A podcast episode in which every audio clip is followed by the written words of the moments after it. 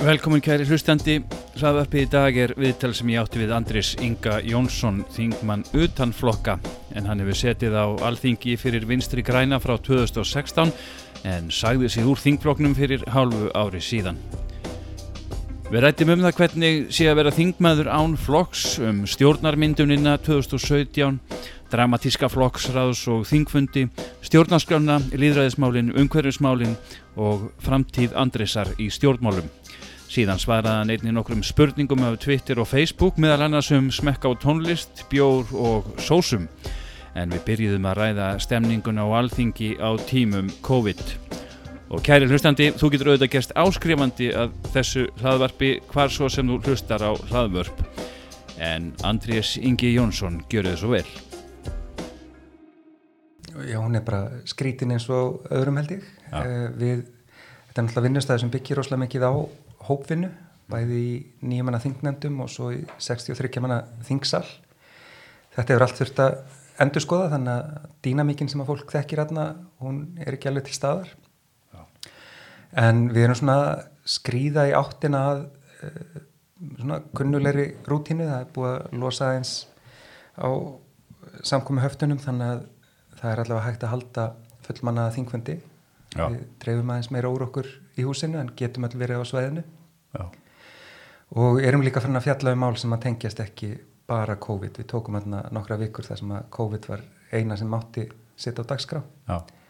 En núna svona þegar að mesta hættan er vondi liðin hjá þá, þá erum við fyrir að skoða allt hitt. Já. En það er margir sem að, á mörgu vinnustæðum sem fólk lærir ykkur ný vinnubröð og sem að kannski bara fá þá að lifa áfram. Eh, fólk eh, hérna, bætir bara vinnubröðinu eitthvað nátt. Er, er eitthvað slíkt á alþingi, sér eitthvað? Er ykkur, ykkur, ykkur vinnubröðu sem munið halda áfram sem að urðu til í, í hérna ástandinu? Já, ég held að hjá okkur eins og flestum öðrum hafi fólk átt að segja á því að fjárfundir væru minna mál en, en fólk helt fyrir. Mm. Nemndafundir hafa alltaf þurft að vera staðfundir Já. með öllum í herberginu og einstakasinnum hafa gestir fengið að ringja sig inn og tæknin hefur ekki verið alveg til staðar og kunnáttan hefur fólki en nú er það bara komið. Já, og ég held að það skiptir miklu máli bæði fyrir já, þingmenn utan landi til dæmi sem þurfu ekki að hafa sig í bæin fyrir eitt funda mánudegi þegar að þungi vinnuveikunar á þingi byrja kannski á þriðu degi og líka fyrir gesti utan að landi, það er kannski stóri munurinn til að við getum kallað eftir sjónamöðum fólks uh, af öllu landinu mm. að það þurfu ekki að koma sér í bæin til að tala við þingnefnd. Og hvað, hvað er þið þá að gera? Er það, er það bara Zoom? Uh, já, það er búið að setja upp Zoom þannig að það eigi að vera örugt, höludeldin er búin að hérna, kempa það. Það er enginn að dettin á fundina hjá okkur svona óvend og... Ég hef ekki lett í því alltaf. En svo er líka verið að prófa það hérna, uh, töludeldin sett upp á bara server hjá þinginu, sérstaklega búin að þannig að okay. enginn þriði aðili hafi að ganga gögnunum og það er svona verið að prófa það líka. Mm -hmm. Nú hef ég lesið eitthvað að þú sett hérna, ódýrasti þingmaðurinn eða svona einn af þeim ódýrari. Hérna, þú veit ekki mikið fyrir í, í, í, í að fá hérna greita kílometra eða, eða reysnur fyrir öllanlandsferðir allaveg ekki svona í samanbörði við aðra, marga aðra þingmenn. Hérna heldur að það munir draga eitthvað úr öllanlandsferðum eða svoleiðis? Eru menna átt að segja á því að það eru kannski óþarfar að einhverju leiti Mögulega, ég veit samt ekki sko hvort að auðvitaðlansferði þingsins séu það margar í rauninni. Það eru einstaklega þingmenn sem að er að fara einu svona tvísar í mánuði alveg sko brjálu keistla en við þurfum að taka þátt í svona grunn alþjóðastarfi. Hvaða starfi það þá sem að kallar svona mikla? Uh, það er þá kannski sérstaklega uh, Nor Norðurlandaráð og, og Eruburáðið. Þar er Ísland uh, bara alveg að, að gera hluti mm -hmm. og, og hérna, hafa eitthvað hafa eitthvað áhrif, þannig að það skiptir máli að taka þátt. Þannig að þeir sem eru þar, þeir hérna, finna fyrir uh, svona kröfunum það að þeir séu mikið á ferðinni. Já, en ég er einmitt, já ég flokkast ódýrastu það nú aðal út af sko grunnlaununum ekki hérna, viðbótunum sem maður fær fyrir, fyrir hérna, alþjóðastarf. Og það aðalega bara því að ég er ekki með neinar álagsprósentur ég er ekki formaðurinn nefnd, ég er ekki, já, já, já, var ekki í neina alþjóðastarfi einhverju alþjóðanemnd Þetta er náttúrulega kannski ókostur við það að starfa utan þinglokka, eða hvað, að menn missa öll svona, Já, þetta var, reyndar á, Áhrif. þetta var áður sko. nú, já, já, já. Við, sko, ef, ma- ef maður reiknar þetta, það, það er nefnilega þingmennir á háum launum, erum núna komin upp í hvað, 1170.000 á mánuði. Já, og síðan eru, uh, það eru átta nefndaformenn og 16 varaformenn nefnda sem allir fá einhverja prósentu ofan á launin, Já. svo eru þingflóksformenn og formenn flokka utan stjórnar sem að fá prósentu ofan á sín laun. Já, og það eru allt í einu bara mjög fáir eftir sem að fá ekki eitthvað ofan á sín laun, ég heldur síðan kannski mellir 5 og 10 sem að erum ekki einhverju svona. Já, og það sem að síðan lækkar mig er að ég uh, þykja ekki starfskostnaðar greiðslu sem uppbót ofan á launin heldur bara gegn framvísun reikninga. Já, já, já, já, uh, þannig að það er 40.000 launa uppbót sem að ég er að, hérna, afsala mér hverju mánu ég bara þy- þykja þetta sem endurgreiðslu ef ég þarf að leggja út fyrir kostnaði. Akkurat, akkurat. Þannig að það borgar sig fyrir þingmenn ef þeir vilja bæta á launin að, að taka á sig formensku í nefndum og þessu tóri, en það er náttúrulega líka bara aukinn vinna, þannig að það er kannski eðlilegt að greiða fyrir það. Já, mér finnst það alveg eðlilegt og alltaf bara spurning hva, hver prósentan er. Mm. uh, Já, ég meina við fá, fáum til dæmis ekkert aukalega fyrir að vera í nefndum, það er bara Nei. partur af þingmennskunni. Já, og síðan máli spyrja sig hvort að þurfa að vera svona mikið, mikið bíl á milli þingmanns og, og ráðherra Já, og síðan einmitt, sko einmitt, fórstættis ráðherra sem er með tvöfalt þingvarakaup já, já, það munar alltaf miklu. Já, þetta er svona þetta er aðeins meiri spönn en, en þyrti kannski Já. En eh, og svo hafa nú ráðherrar, til dæmis utanríkisráðherrar og, og aðrir sem eru mikið á ferðinni, það hækkar nú launin hjá þeim að vera þóltið á ferðinni líka í, til, eh, í autanlandsferðum eða ekki, þeir eru á þannig kjörum. Nú bara þekki ég ekki þetta Nei. dagpenningadæmi allt Nei, saman nei. En ég man eftir einhverju umræðu fyrir svolítið síðan að sagt, þeir eru bæði, það fá þá bæði dagpenninga og líka með sko greiðslukort á vegum einmitt, sem að já. þannig að þetta var hérna frétt á sínum tíma en það að fjölmilar eða fá ekki, ég heldur hafi ekki ennþá fengið sko aðganga að upplýsingum um greiðslukortanótkun ráðherra. Og þetta er náttúrulega já, já, þetta er kannski líka arfið frá gamalli tíð þegar að, að hérna, e, yfirstéttin þurfti ekki að svara fyrir neitt en það hefur sem betur fyrir verið að breytast mikið á síðustu árum eins og þú nefndir akstusgreislur það, það, já. það voruði bara strömmkvarf varðandi gagsægi á greislum til þingmanna á síðustu árum út af því að það var bent á að þarna væri kerfi sem var hægt að misnota. Ég var bara spjalli á netinu síðast í gerkveldi sko um, það var, var ég að reyfa upp ykkur grein frá 1990 um sko valda blokkir í atvinnulífinu. Og þá hérna var bladamæðurinn sem skrifaði þá grein, hann hérna reyfjaði það upp að að þeir, hann gæti ekki fengið upplýsingar um uh, hlu- hluthafa í, sem sagt, hverju var hluthafar í held ég eimskipafélaginu eða flugliðum. Það var, það var, sem sagt, það var leindarmál þannig að það er margt búið að breyta sem betur fer Já. svona til opnunar í samfélaginu. En uh, og hann sagði að eigendur félagsins hefðu síðan á endanum gefið það upp hverjir væru stærstu eigendur en þeir hefðu komið þeim upplýsingum til morgunblæðsins fyrst til, þess að, til að láta ekki þessa forvitnu blaðamenn skupa málinu heldur vildu sagt koma því til þá leifa mokkanum að vera með þetta já, gott að stýra Le- því leyfa hvernig sín- fyrsti tónin er Já, leifa sínu blaði að, að, að, að, að skupa málunu sko. Heyrðu, en, en hvernig er það að vera þingmaður sagt utan þingflokka? Hva, hvernig, hvað er langt síðan þú hættir í Eh, þingflokki í vinstri grænum? mann svo það hefur verið þarna mánuðamáttin november, desember Já, hefur mann rétt hvað er að tala um halvt ár Það er það. já. Og hvernig, hvernig er upplifunin? það er kannski brenglar hann að pínu að helmingurinn á þessum tíma hefur verið annarkort jólafrí eða, eða COVID stús Jó, það er rétt, það er rétt.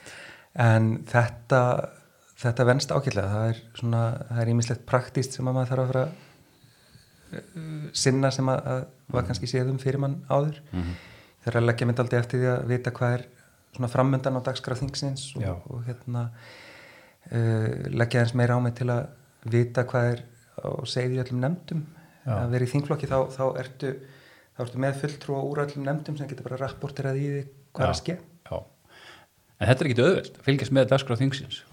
Nei, nei og, og hérna ég ætla ekki að, að þykjast ná að hafa fullkomna yfirsýn Nei, nei, nei, en hann var nefndi þetta hann hérna Þorsteinn Víglundsson fyrirvændi þingmaður og ráðherra hjá viðrist sem var að hætta á þingi hann nefndi þetta sem dæmi um bara hvað, væri, sko, hvað þingi væri óskilvirt hvað verið erfitt að vinna vel á alþingi að því að það verið bara svo illa skipilagt Já, já, já og við vitum sjálfnast meir en bara sko dagskrá morgundagsins. Já, er hérna og það, það getur alltaf riðilast eins og sko við erum að klára núna. Um helgina þá þá heldum við að það erði eh, afgreisla á fjáraukarlögum núna á, á þriðudaginn já, svo kom ég ljós að það taðist aðeins út úr nefnd þannig að það var talað um miðugudag og svo var það ekki fyrir ná fymtudag að við komum slóksins í það. Já, þannig að þetta er aldrei svona eins og ég er alltaf að fá aldrei flassbakk í, í framhaldsskólan þar sem maður var alltaf að fá sko fresta á að skila. Og nefndirnar eru svolítið að lenda í því líka. Já, já. og maður tekur eftir því núna þegar, sko, þegar er tímapressa að ná hlutum út. Já, einmitt Þannig að, en hvað, það er alltaf verið að tala um þetta, bæta störfu alþingi og alþingis og, og hérna, það var, það var talað um það fyrir við stofnun þessari ríkistjórnar, að þú veist, þetta ebla samstarfið og einhvern veginn, bæta vinnubröðin og, en aldrei gerist neitt, það, hvað, hvernig stendur á því? sko, ég held að eitt að ég sé að fólk hefur bara það, það er að meina ólíka hluti þegar það segir bætum störf alþingis. Já, sko það er ekkit endilega bæta störf alþingis að gera það brjálæslega skilvirt af því að stundum á það að vera takast þetta aldrei góðan tíma Já, já, að, að hérna, jú. velta sko hverri þúfu mm uh, bara til að tryggja það að við séum að taka tillit til allra sjónum eða í málum algjörlega. uh, og þess vegna er þetta aldrei leðilegt þegar að fólk stekkur of snemma í það að gaggrina fólk fyrir að vera í málþófi til dæmis mm Mhm, í þingsal mhm. þegar við erum kannski að tala um eitthvað sem að þarf að Algjörlega. halda öllum sjónum meðan til að haga í Einmitt. En svo er hitt einmitt sko að bæta störfin þannig að já þannig að við einmitt tökum tillit til að aldra ólíkra sjónum eða í samfélaginu og líka bara innan þingsins og það er eitthvað sem að Já. virðist ekki vera að ganga alveg nógu vel þó að ég hafi bundið vonið við það þegar þessi ríkistöð fór að stað Já. að maður sér til dæmis sko sér ellendis oft bara breyðfylkingu allra flokka leggja fram einhverjar COVID-tillögur Já, einmitt. En hérna vil ríkistjórnin alltaf sko eiga höfundaréttin að öllum tillögum þannig að hún Já. kynir þær Einmitt. og hefur ekki rætt að reynunni við stjórnaranstöðuna og, og, en síðan á stjórnaranstöðan að vinna að því að bæta tillögurnar inn í þingi Já, hefur gert það, ekki? Gerðu það allir með þessu COVID-máli? Jú, algjörlega Sumt ba batnaði við Já. eh, meðferð og, og hérna, tilhugur frá stjórnar anstöðunni. og hefði náttúrulega verið miklu betra sko þegar það var lagt fram ef að þetta samtal hefði átt sér stað fyrr Já, og hefði orðið ennþá betra ef það hefði ekki verið tókstreita á milli stjórnar og stjórnar anstöðu í vinnslunni inn á þingi heldur allir saman í þessu? Einmitt, einmitt. Svo sama jafnvel sko að um, stjórninni var síðan eignað sumt af þessum umbótamálum sem voru gerði á hérna á málunum í, í ferlinu sko vegna tillagna frá stjórnar anstöðu en, en, en kannski en það er bara eins og hérna, hérna eigendur einskips í gamla daga sem að stukku fram og, og veist, þetta er bara Já, að eigna sér breytingarnar á undan hinnum og það er eitthvað sem að maður skilur alveg en það er svona já, minnst að pínu uh, ódýrt eitthvað. Já, já. Eh, þegar, við erum að tala um aðgerið sem allir að geta staðið bakvið á einhverjum svona ólgutímum þá, Já. þá á engin eitt flokkur að reyna að egna sér þetta frekar en annar einmitt. En nú sjáum við til dæmis að það hefur greinlega verið gerð eitthvað mistök í þessu COVID nei, hérna, í þessu hlutabóta leið í þeim lögum. Það virðist vera að allir sé orðin saman um það mm. því að það voru fyrirtæki að nýta sér þessa leið sem að höfðu ekkert þörf fyrir það í rauninni. Uh, eins og hefur komið í ljós. Uh, hérna he- þú veist, var það eitthvað í vinnubröðunum sem að, að útskýri það hvers vegna þetta fór svona? Eða meina, var þetta bara ætlunin eða, eða var þetta fljótfærni eða Já, sko ég var nú ekki nefndinni sem fjallaði máli þannig að ég Nei. ekki hérna, fyllt þessu í gegnum þingið alveg Nei. en ég held að þetta hafi náttúrulega verið þetta, þetta var náttúrulega í afgreyslu á tíma þar sem að var mjög hægt við mistökum vegna þess að Já, já. hvað þetta er samtíkt þarna 20. mars held ég þetta er bara unnið vikuna sem, sem samkombann er sett á þetta er unni hratt upp í ráðanetti, þetta er unni hratt inn á þingi, uh, allir einhvern veginn bara að upplifa uh, samfélag sem að við höfum aldrei verið í áður. Þannig að mm -hmm. fókusin hefur kannski vantað. Já. en það var náttúrulega ekki að gerast þegar við erum að setja lög. Nei, og, nei, nei. og þetta er náttúrulega mjög fyrirsjánlegt að, að fyrirtæki nýti sér almenna aðgerð sem að er ekkert skilirt. Þannig að ég meina, manni finnst náttúrulega mjög undarlegt að, að stórfyrirtæki sem er ekki að fara á hausin síðan nýta sér úrræði sem er fyrir fyrirtæki sem er að fara á hausin já, já. en að því að lögjafinn sagði ekki að það veri skilirið þá pínu erfitt að, að hérna, vera með miklar vandlætingar og almenningu þarf einhvern veginn að koma til sko, og maður sér að núna þessi fyrirtæki eins og Skeljungur og Hagar eru að bakka með þetta sko, gefast upp á þessu að því að, að, því að náttúrulega þeir, þurf, þessi fyrirtæki þurfa á velvilji almennings að halda sko. mm. en umræðinum össull hefur ekkert verið eins hávær sko mm -hmm af því að ég ger ekki ráð fyrir að, neit, að þeir þurfa að stóla eins mikið á íslenska neytindur eins og hinn félagin sko. Þannig að hérna, já, já. En þetta er, það, það sem að er kannski aðalega ergilegt við þetta er að þarna erum við mögulega búin að spræna einhverjum miljörðum út um glukkan í, í hérna, eitthvað fyrirtæki sem þurftuði ekki. Miljara sem hefði til dæmis verið hægt að nota til að strengja örgisnett undir háskólastútenda eða bara hvað það er sem að er uh, vandamál framöndan Já. Talandum háskólastunda, þeir voru einmitt núna, maður sér það núna, þeir eru ekki sátti við stöðuna, þeir eru og þetta var náttúrulega löngu fyrir, eða fyrir síðan alveg að þetta er því, þetta er því hríkalega vond stað á atvinnumarkaði fyrir stúdenda, þeir hérna og sem hafa ekki rétt á atvinnuleysisbótum, þannig að þeir koma inn í sumarið og margir sjá fram að það hafa enga tekjur mm. Hva, hvernig, hvernig er umræða núna á þingi um það hvernig ég að leysa þetta eða koma þessu fólki til aðstofar? Já við tókumst alltaf á um þetta í vikunni mitt að því að það var tillaga að uh, gefa stúdendum að þeir stúdend fengju rétt á aðlinsbótum þetta sumar Já. sem að þeir ekki það, það er ekki endilega kerfið sem við viljum hafa til langframa en það er það sem að gæti verið öryggisnett undir hópin í dag mm -hmm. það er verið að búa til sömastörf fyrir námsmenn sem að getur verið kannski 3000 eh, stöður í, í sömar og það er verið að hérna, styrkja nýskopuna sjá námsmanna og, og, mm -hmm. og, og reyna að setja eitthvað svona sömarnámski í gangi. 3000 stöður og hvað eru oftur að tala marga stúnda? Það er nefnilega málið. Erum, það, með, þetta, þetta næri ekki kannski helmingi Nei. af þeim sem þarf. Nei. Af því að stúdendarhefingin er búin að vera daldið, eh, daldið sniðu og bara kannaða hver staðan er hjá fólki Já. og þar kemur í ljós að, að ég held að hjá HÍ til dæmis þá séu 5.000 stúdendar sem að séu ekki komnið með vinn og reikna ekki með að fá vinnu í sögur 5.000? 5.000 þannig að aðgerri stjórnvald að dög ekki einu sinni fyrir þann hóp sem að er, er að stefni aðtunleysi innan HÍ og margi stúdendar er náttúrulega í þeirri stöðu þeir þurfa að borga húsalegu og þeir þurfa að eiga börn og svo framvegis Já, já, og, og ég meina bara eins og allt annað fólk þurfa að hafa tekjur þess að þrjá mánuði sem það er Þannig að... Já, menn þetta er náttúrulega samt mismunum millir, fólk hefur það mjög skott sem geta farið heim til fólkdra sinna og í rauninni fengið aðstof þeirra en, en aðrir eru bara í stökustu vandræðum. Já, og það er náttúrulega vandin, sko uh, ég, ég skil alveg ágifólks að því að búa til eitthvað mjög dýrt úrræði sem að aðtölulegsbætur fyrir alla stúdenta væru Já.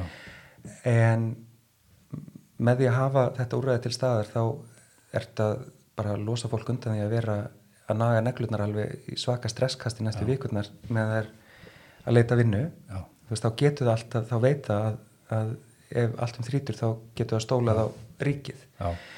og það eru einmitt hóparnir sem getur ekki stólað á fóreldra sína sem þetta skiptir mestumáli hjá Fólk Þannig að þá þetta myndi kosta okkur eitthvað eh, einmitt eins og þú segir, það myndi einhverjum misnota þetta að þá þú veist, auðvitað, þá er þetta bara okkar skilda, þú veist, samfélagslega skilda að, já, já, að, að, að það sé nett fyrir þetta fólk og misnótkun á þessu væri væri, þú veist, miljón á haus.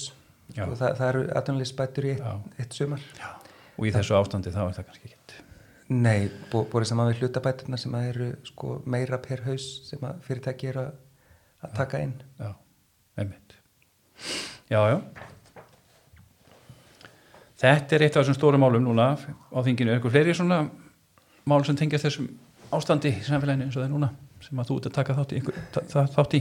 Já, við náttúrulega vorum bara að greiða svona megnið af þessum uh, öðrum aðgerðapakka og erum að Já. býða eftir síðan þriðja og, Já. og vantarlega ykkur um fleirum og uh, já, við þurfum eiginlega bara að sjá hvernig heildamind teknast upp þegar að næsti pakki kemur að því að Mhm.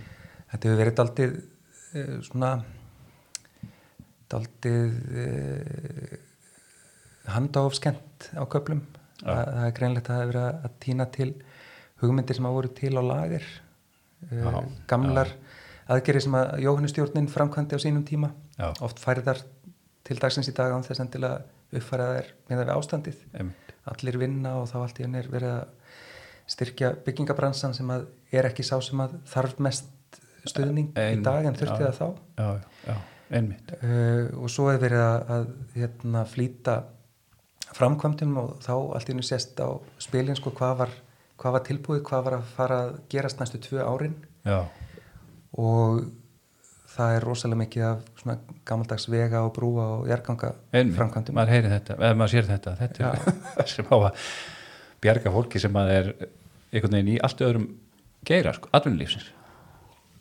Já og þarna sá maður líka að sko grænu samgönguframkvæmdirnar það voru ekki til það var engin svoleiðis á lager Nei. þar virðist sko það eina sem er hægt að, að merkja svoleiðis vera borgarlína sem að Já, já, þau talum að halda áfram með borgarlínu, eða ekki? jú, jú, jú, hún er alveg á, á plani Já. og við vorum að fá frumvarp um, um hérna stopnun ofinbjörns hlutafélags um hana það verður svona samstarf á milli sveitafélagan og, og ríkisins um hana En þetta var náttúrulega um leið og menn tilkynntu þessa borgarlínu að þá og samkomulegið um hana sem að sé nú ekki alveg, nú ekki alveg búið að ákveða hvernig það fjármagna þetta er, menn ekki ennþá að tala um uh, vegagjöld og eitthvað svo leiðis. það, ég held að sé svona vísvitandi látið vera talt í loðið Já, einmitt, einmitt. en, En- ég, en- sko upp, uppistæðan átti að vera líka hérna sala á Keldnalandinu og já. rík, ríkislóðum innan uh, þeppilisvæðisins hérna Já, alveg rétt, alveg rétt. En, en þessu fylgdi líka svona stórframkvæmdur þá bara í hennu gamla gráa samgöngukerfi sem að hérna þannig einhvern veginn þegar öllu var að botni kvólt, þá var þetta ekkert svakalega grænt. Nei, en mm, það, þar er orðalagi líka pínulóðið þannig að báða hliðarnir nota sumi triksin sko samkomlegið um, um hérna borgarlínu og allar hérna framkvæmdirnar er þannig að meina við erum með sko stærstu framkvæmdirnar eru borgarlínan sjálf sem er græn og fín. Já, og síðan á að skoða sundabrautina sem að er bara frekar gráframkvæmd í öllum myndum Já. sem að hafa verið skoðaðar mun auka umferð á höfborgarsvæðinu þegar við þurfum að draga úr henni. Uh, en þá bara að skoða hana það er ekki, hún er ekki naglföst sko, já, já, einmitt, og bara vonandi að, að það haldist þannig nákvæmlega. Þetta er svolítið í stjórnmálunum, það er upplýsinga óriðan. Nú eru upp, stjórnmálum er aldrei mikið að tala um upplýsinga óriðu, COVID og, og þess að þar og þjóðar öryggisráð talar um upplýsinga óriðu. En upplýsinga óriða er enn og oft svolítið mikil bara beint úr stjórnaræðinu, sko. Já, þetta er svona að, að virðast segja eitthvað ákveðið en segja það aðeins loðunar í raun þegar uh, fólk svona skoðar Já, ég til dæmis upplifði þetta aldrei í vetur þegar var verið að tala um þjóðgarð, hálendis þjóðgarð sem síðan um leið var opnað á sko, var eðli þjóðgarðs bara breytt mjög mikið þannig að allt í hennu var hægt að fara að reysa virkjanir innan, innan hans sko. Þannig að Já. mann búa til nota eitthvað svona gamalt hérna heiti eins og þjóðgarð og, og segjast alltaf að fara að friðlýsa eða sagt búa til eitthvað meiri hátar eh, hérna þjóðgarð sem er á það er mikið talað um svo stærst í Evrópu. En svo þegar maður skoðar þetta nána þá kemur ljós já en um leið er verið að gjör breyta eðli þjóðgarða, þjóðgarða. Þannig að hérna, einmitt, þetta svona þetta er, finnst, finnst mér svona svolítið dæmi um það hvernig ég finnst þetta náttúrulega bara blekkingalegur en mætti líka kalla þetta upplýsinga óriðu Já, já, og það verður svo smálega að taka heilan þátt um, um hérna, þjóðgarðin og, og rammaáætlun og, og allt ég það og hvernig það spila saman. Förum kannski í það svolítið eftir. En mér langar bara að halda okkur aðeins við hérna, þína sögu ef við förum bara aðeins aftur í það þegar þú komst inn á þing hvernig var það, 2016 sem þú tvist góðsson á alþingið ekki? Já, sko, ég kom, hvað er þá gamal? ég kom sem varamæður 2015 Já. var eina viku þá. Eina viku, já. Og síðan eftir kostninga 2016 kem ég inn. Og hvað er ég gammal þá? 37 37 ára. Ungum maður, hvernig er að koma inn á vinnustæðins og alþingi, hvað þú veist svona fyrsta skipti? Hver, hver er tilfinningin? Sko ég þekkti þetta nú ákveðlega því ég starfaði sem aðstofamæður hjá tveimur áþeirum og vissi svona Þannig að þú hefur verið búin að hanga þarna í hlýðar sölunum Já, og hérna þannig að ég var ekki maður sér sko suma að koma þarna inn og vera bara eins og, eins og hérna dátir í, í framljósunum. Já. bara við vita ekkert hvað er að skeða þarna. Já. af því að það er rosalega margt uh, óbúslega framandi fyrir venlegt fólk þarna. Það veist þú bara frá því að tala mjög undarlega upp í pontu. Erum alltaf sko ávarpa fórsetan sem Einmitt. er fyrir aftandig þó þú sett að tala við þingmannin sem er fyrir framandig yfir í það að, að hérna þurfa að vinna í átakuðumkörfi ég menna við, það, það, við, við erum kosin fyrir ólíkar hugssjónir og eigum að halda þeim á lofti. Já. og það þýðir að bara til að vera trú kjósundum okkar þá eigum við að vera að rýfast hvert við annað bara, bara gera það málefnilega og, og ekki taka það inn á okkur. En, en þetta er eitthvað sem að fólki færst misvelur hendi. Já en það ekki, er þetta ekki hvernig týpa þarf, þarf maður að vera til þess að lifa í svona umhverfi og, og, og, og geta gert það vel, þú veist? Sko ég held að trikki sig aðalega bara að, að vera ekki og höfum sára átt að segja á því að, að þú ert í rauninni þegar þú ert í pontinu og þeir eru verið að gaggrina þá, þá ertu ekki einstaklingur heldur, heldur þúsundir atkvæða, þú, þú ert fólkið sem að kaust þig. Og, og síðan bara að vera með smá húmor fyrir þessu. Það, þetta, er, þetta er oft uh, brjálæðislega fyndið þegar maður uh, sko, lít, lítur aftur. Já. En er ekki óþægilegast þegar þetta er svona þegar átökinu verða innanflóks? Jú, það er kannski Minna, hefur þú upplifað það að það er svona skrítin stemning innan hópsins, þú veist Já, það er nefnilega Men, taldill vandi því að þú ert í hóp sem að sem þú helst að væri bara á sömu síðan í flestum málum Já. og svo kemur ljósað í einhverjum grundvallar atriðin þá eru þið bara ekki sammála Einmitt. Hvað gerir maður þá? já, fyrst reynir maður að láta það ganga. Já, já.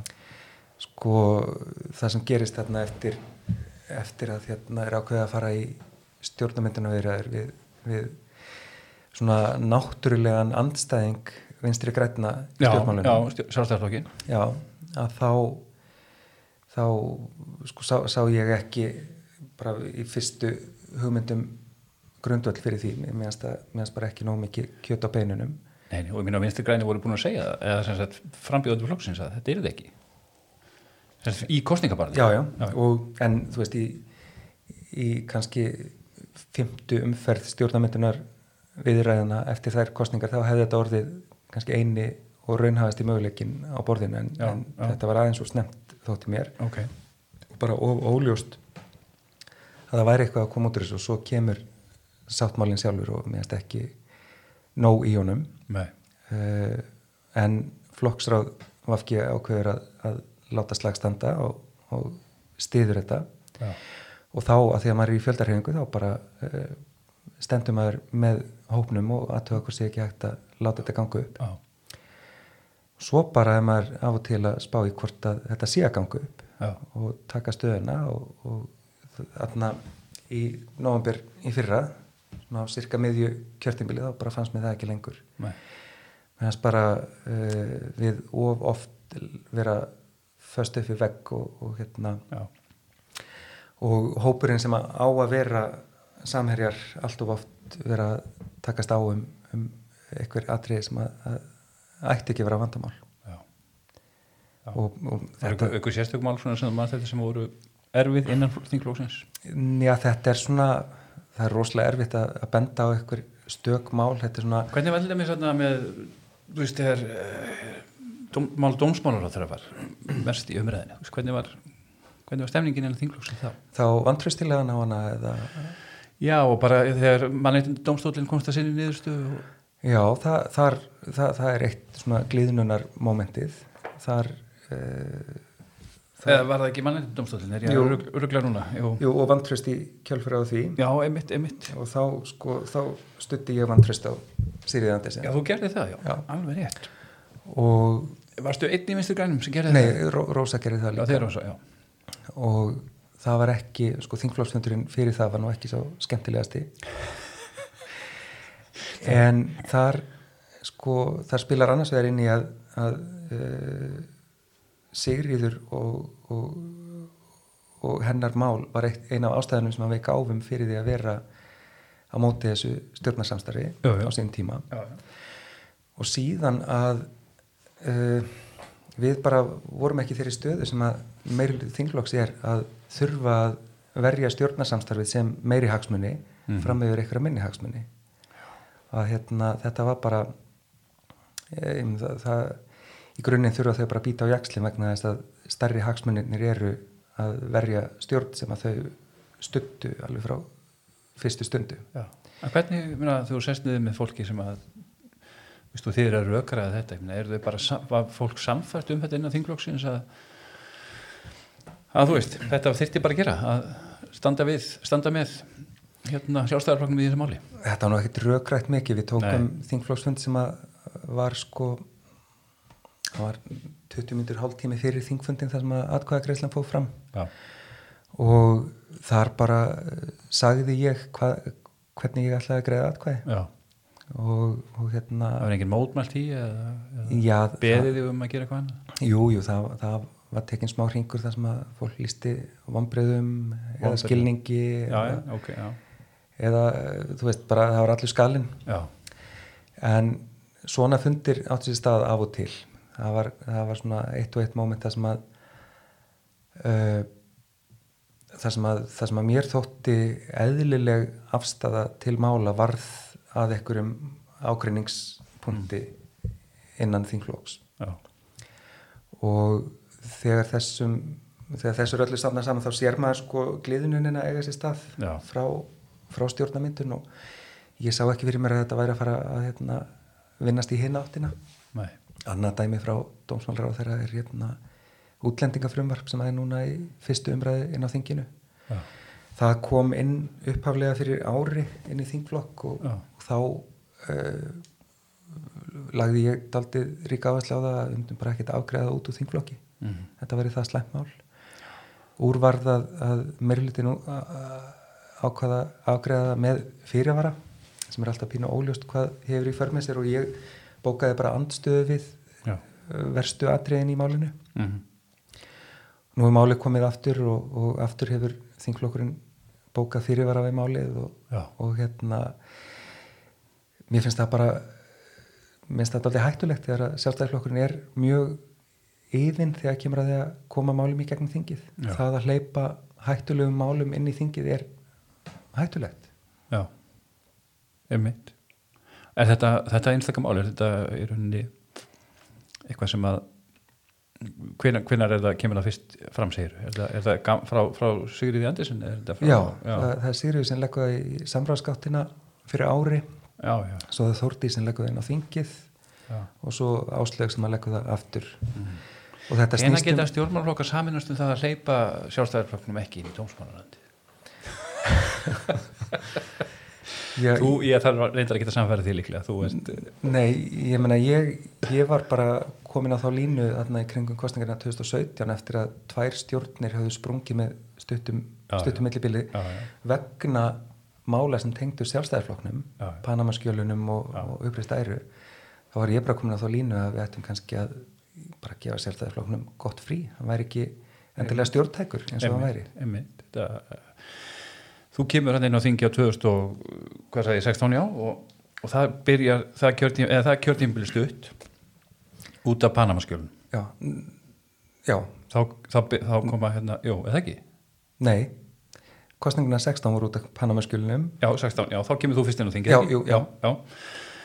Uh, og, og þá er sem sagt sjálfstæðisflokkurinn og framsvonarflokkurinn bara innviklaður í, í það mál mjög harkalega en uh, og þá verður til stjórn sjálfstæðisflokks viðristnar og hérna bjartar framtíðar. Hvernig var að vera í stjórnarnanstöðu þetta einu ár? Það var nú bara ágætt. Um, það var mjög erfitt stundum að fylgjast með fólkinu í stjórn Já. standa með slæmumálunum til dæmis frá dómsmálar á þeirra Já, og já svo ríkistjórn fór alveg í gegnum það já, ferli. já, já, já.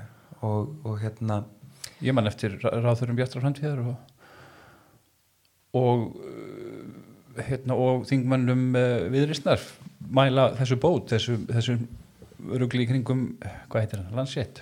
Já, já, það og, og síðan sko, þú veist, alveg frá, frá fyrsta degi var stýriðið farin að þrengja útlendingalögin. Já, Það var gert strax í sko janúar, februar 2017 Já. með frumvarpi. var Og- það frumvarpi sem að um, Björn framtíð svona kom fram með sem einhvers konar eða helt fram að væri einhvers svona málamiðlun eða, eða væri unnin í góðu, góðri samvinnu. Já, það, og ég held að þau hafi bara, bara treyst sjálfstæðarflokknum meira en hann átti innistæði fyrir. Einmitt. Og svo uppgötum við það, eða svo, svo fundum við það þegar við komum aftur til starfa þarna sumarið 2017 Já, þá hafðu verið í, í fréttum mál uh, flóttabarna.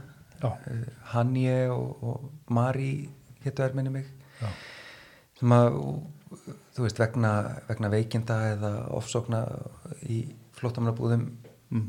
á Greiklandi þau komið hingað og, og, sko voru með vernd í, í, í öðru landi en, en sóttum vernd hér. Mm og allir flokka vildi hjálpa þeim. Já, en flokkarnir í ríkistjórninni máttu það ekki. Máttu það ekki, þá meinar þú já bara, þetta er Sigriður er þeirra dómsmálar á þeirra og, Já, meinar, já, já. og þá meiga Þannig að bakvið, eða svona í spjalli við fólki í Björn framtíð og viðrist þá, já ég meina þau voru sko ég, ég var í allsvöru á metamálunend með, með Pavel og Nikól til dæmis sem Já. eru sem kunna þessi mál alveg frá A til Ö og eru með hjarta á réttum stað já, en voru bundin að því að vera í stjórn með flokki sem að veit ekkert einmitt. þannig að eitt af fyrsta sem gerðist þegar stjórnin sprakk var að allt í hennu var hægt að leysa þessi mál Mm -hmm. og það var bara búin til ekki endilega fallegasta lagabreitingin það var bara, bara svona uh, slumpað á tímafresti þannig að þessi mál fengju efnismeðferð Já, og e- einhverju týjir mála í viðbútt og þetta fólk er ennþá hér, hér á landi fekk, það fekk vend ok. Uh, en þegar upp var staði þá lagðist sjálfstæðarflokkurinn gegn þessari breytingu. Já, já, bara að þetta var samningur um þinglokk að, að klára þetta mál svona en sjálfstæðarflokkurinn gat ekki bitið af jakslinn heldur var á rauðatakkanum inn í þingsal já, já, já. og sagði að við hinn værum bara að opna fyrir mannsal og alls konar Alveg rétt, já og það var einmitt á sko, er tryggði sjálfstæðarslokkin við samstæðarslokkin en ekki meira en þetta nei og þetta sko þetta mál satt mjög mikið í mér þegar kom síðan að stjórnamyndunni tvei mánuðum setna og ég sko bæði það að þau hafi tekið svona slæma afstöðu gegn flóttabönnum mm -hmm. og að hafi ekki verið treystandi á þau í svona skýrt afmörku og einföldu máli. Já, það er ekki, það lofur ekki góðu. Einmitt einmitt. En svo kemur upp þetta mál þarna upprist æru þar sem að ráþærar sjálfstæðarslokksins einhvern veginn voru bara já, með allt niður um sig í, hérna, í þeim efnum og sjálfstæðarslokkurinn gengur í gegnum enn eitt svona einhvern veginn skandalinn. Uh, þá allt inn að koma kostningar hvernig, hvernig hérna það hefur vantilega lagst vel í einhverju vinstri grænum því það hefur bara verið bjarsinn og haft tilöfnum til. Já, já og, og kannanir náttúrulega síndu flokkin alveg fara með heiminskautun Já, þannig að uh, þó að þó að útkoman hefur verið betri en í kostningunum áður já, þá var hún verri en í, í, í könnunum vikurnar áður. Já, þannig að já. flokkurinn var svona farin að gýra sig inn á nájafil 20% með eitthvað. Já, einmitt en náði því ekki alveg. Nei, nei, nei. og það held ég að ég er svona aðeins spáði hvað hva klikkaði í kostningabaráttunni að því að Já, við hefðum átt að ná meiri á þessum tímpunkti uh, og ég, ég er ekki viss, ég held við höfum kannski uh, sko lagt ómikinn fókus á svona sko það, þetta var mjög Katrínar miðuð var kjósið vafki til að gera, gera köttu að uh, fórsettir á þeirra sem er sem var bara mjög fínt markmið. Það vantaði kannski meiri uh, málefnaumræðu. Já, þess að stilt svona upp að því að fólk sá fyrir sér þetta að vera stutt kostningabarátt en svo var hún alveg sex vikur. Já, þannig að það hefði kannski mátt undirbúa jarvegin í þrjár fjórar með því að tala um það hvað flokkurinn stæði fyrir og, og síðan uh, tromma upp síðustu vikurnar með þessum stóru myndum af kötu sem að fylgta öll stræt og skili já, já, að því að náttúrulega á þessum tíma þá er, er Kata eini eini kandidatin í þetta embætti já, sem að eh, þú veist einhver hefur trú á já, og nýtur stuðnings og trösts alveg langt út fyrir flokkin sinn. Eh, Samfélkingin í svona einhverjum í mólum hálfpartinn? Já og, og ég meina Bjarni ekki ekki tækur í þetta eftir að hafa Já. Nei, ég er að meina svona þessum flokkun sem voru Já. í stjórnar anstöðu? já, jú, jú. Eða hvað, já. Já, já. En svo kemur að niðurstöðum kostninga og, og, og, og það er farið í stjórnar myndun og þú sem sagt minnur þessa máls þarna um flotta, flotta fólkið Mm þá þá leggst þú gegn þessari stjórnarmyndun, sjálfstæðisflokks, framsóknar og vinstri græna. Mhm. Og hvernig var því tekið svona innan, innan hóps? uh, ekkert mjög vel Nei. það hérna Gengum við langt í að reyna að samfæra þig? nei nefnilega ekki Nei. það, það var reyndið að skrýtna sko það, það komið á óvart að eh, sko þetta er þetta er tveggja vikna ferli Já. sem byrjar á því að við öll í þingfloknum erum sammála um að að Kata geti talað við flokkana óformlega og að það hvort sé einhver flötur á, á viðræðum. Já. og að síðan getum komið aftur til þingflokksins og ef það eru eitthvað svona stór flögg sem er hægt að reysa og segja heyrðu hér er vafki að ná eitthvað svakalögu fram að þá geti það réttlægt að halda áfram í formulega viðræður. Og vandin var að þegar hún kom tilbaka þá, þá sá ég þau flögg ekki. Þá var ekki hægt að segja heyrðu við erum hérna að tryggja þetta, þetta og þetta í stjórnarsáttmála Já. sem að var ekki hjá síðustu stjórn sem að engin annar hefði náði í gegn hjá þessu liði Já. um, þannig að ég sá bara ekki uh, sá, sá, sá ekki eldsneitið í formulega viðræður og, og var þess að mótið í Þannig að þó að sjálfstæðarflokkurinn hafi verið í þessari veiku stöðu sem hann var í að þá var ekki hægt að Nei og, það, beigja hann nægilega mikið til þess að nei og það sem að þótti best í þessum sáttmála var stundum eitthvað sem að var bara í sáttmála síðustu stjórnar. Já, En það, og þar var ímislegt um uh, umhverfismál til dæmis. Já, já, já. og ef maður sko bara sko græna skatta þá voru þau máleginlega þeim var betur fyrir komið Fyrir ríkisstjórn. í fyrir ríkistjórn Já, en uh,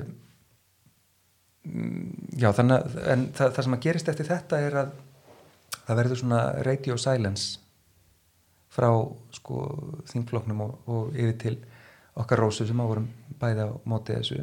Já, og ég held að Svandís hafi líst í ykkur viðtali að þetta hafi verið bara það, hafi verið augljóst að það hafi ekki verið hægt að halda þingflóksfundi á þessum tíma vegna þess að við höfum ekki öll verið sammála um vekkferðina en ég hefði mitt haldið að þetta vera þveru öfugt að sko þegar að einhverjir eru ósamála í hópnum þá ætti að halda hópnum daldið þétt saman og, já, og, já, og jafnvel að, að sko koma hugmyndum þeirra sem eru sko fjærst í að vera sammála koma þeim til framkvæmdu og jafnvel nota andstöðuna innan Nákvæmlega, sem, sem svona sem hluta af samningsvíra já, já, ég var bara í þeirri stöðu og hann gæti bara þakka fyrir það að komast inn í ríkistjórn Já. En- en í staðin þá heyri ég ekkit í þeim fyrir en að skjalið er bara tilbúið og, og ég fæ að lesa það og það er bara svona tekið og lífið já.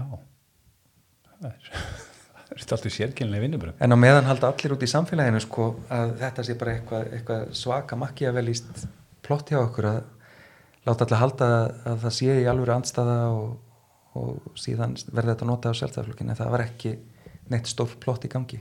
Já, já, já. Einmitt.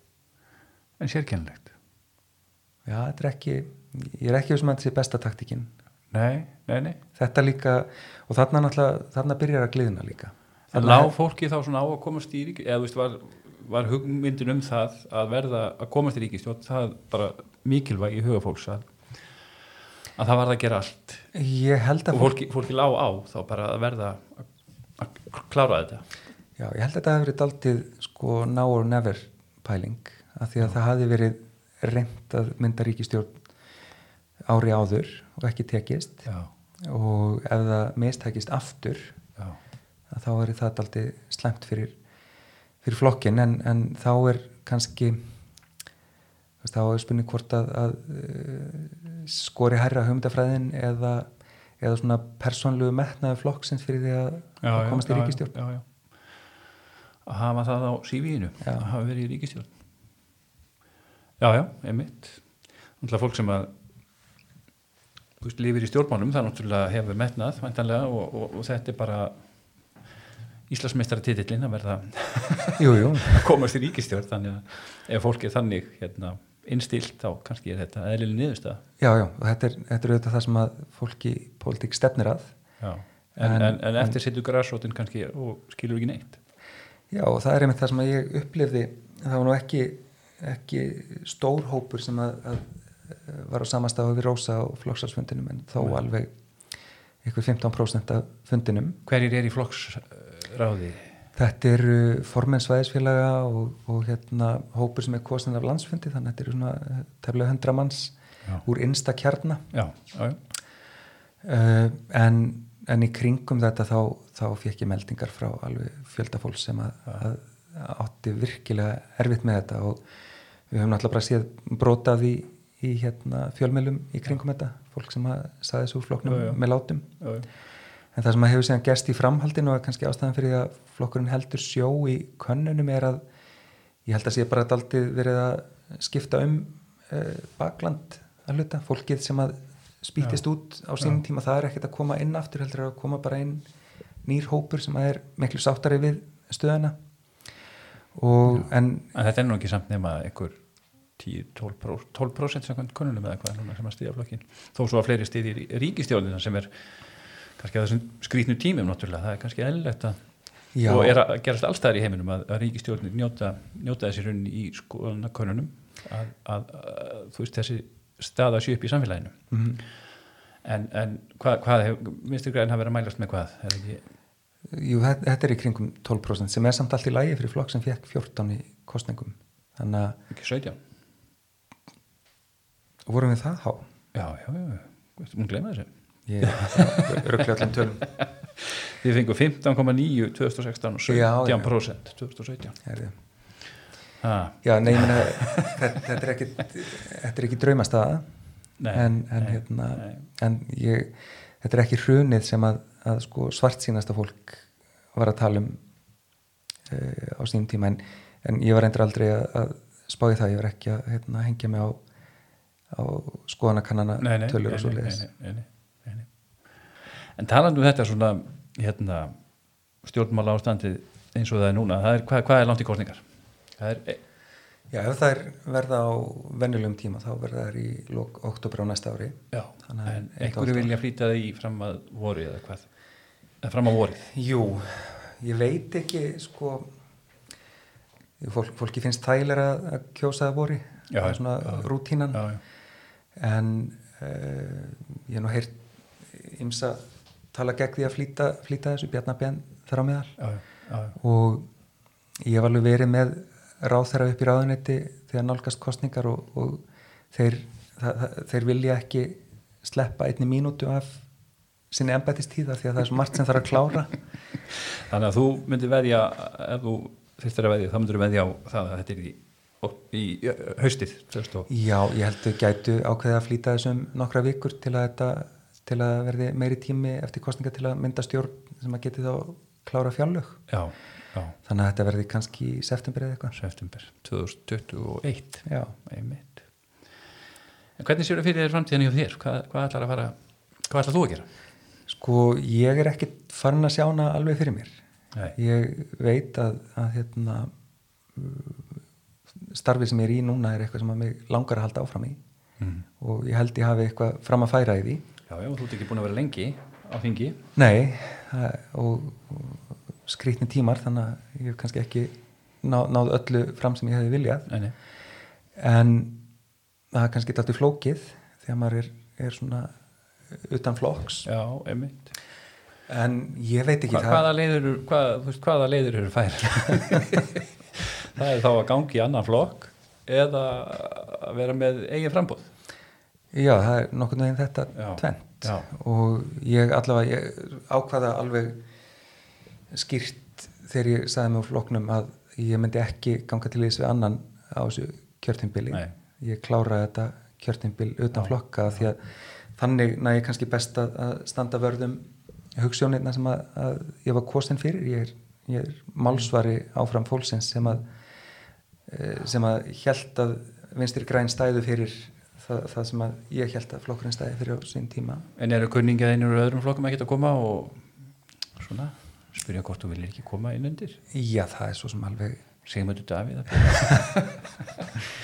Nei, maður það- geti, ég myndi segja að það væri þá kannski illa með samfélkingin eða það er alveg opnar dyr við það en það, þetta er eitthvað sem ég er ekkert farin að spá í og, og ég er kannski bara á sama stað og margi kjósendur eftir síðustu kostningar uh, bara pínu landlösa því að Já, stórhópu fólk sem að kaus vinstri græn út af það að vera uh, umhverfisvendaflokkur já, út af það að, að vera mjög, með mjög sterkar hugssjóni þegar kemur að ymsum málum sem að er ekki að ná nógu vel í gegnum Já. þetta ríkistjónarsamstarf, það er landlaust og er ekkert endilega að finna sig hjá flokkunum sem að eru inn á þingi. Nei, en þann, og þá komum við að sko hinnileginni sem að er að, að hérna, vera að hluta ykkur nýju frambóði já, og ég er ekkert komin í þær pælingar heldur. Nei, en, nei. en, en það er það ekki sko einsmannsverkefni. Nei, nei, nei, nei. en það kemur ekkert óvart þó að eitthvað fólk myndi uh, setja eitthvað svoleiðis af stað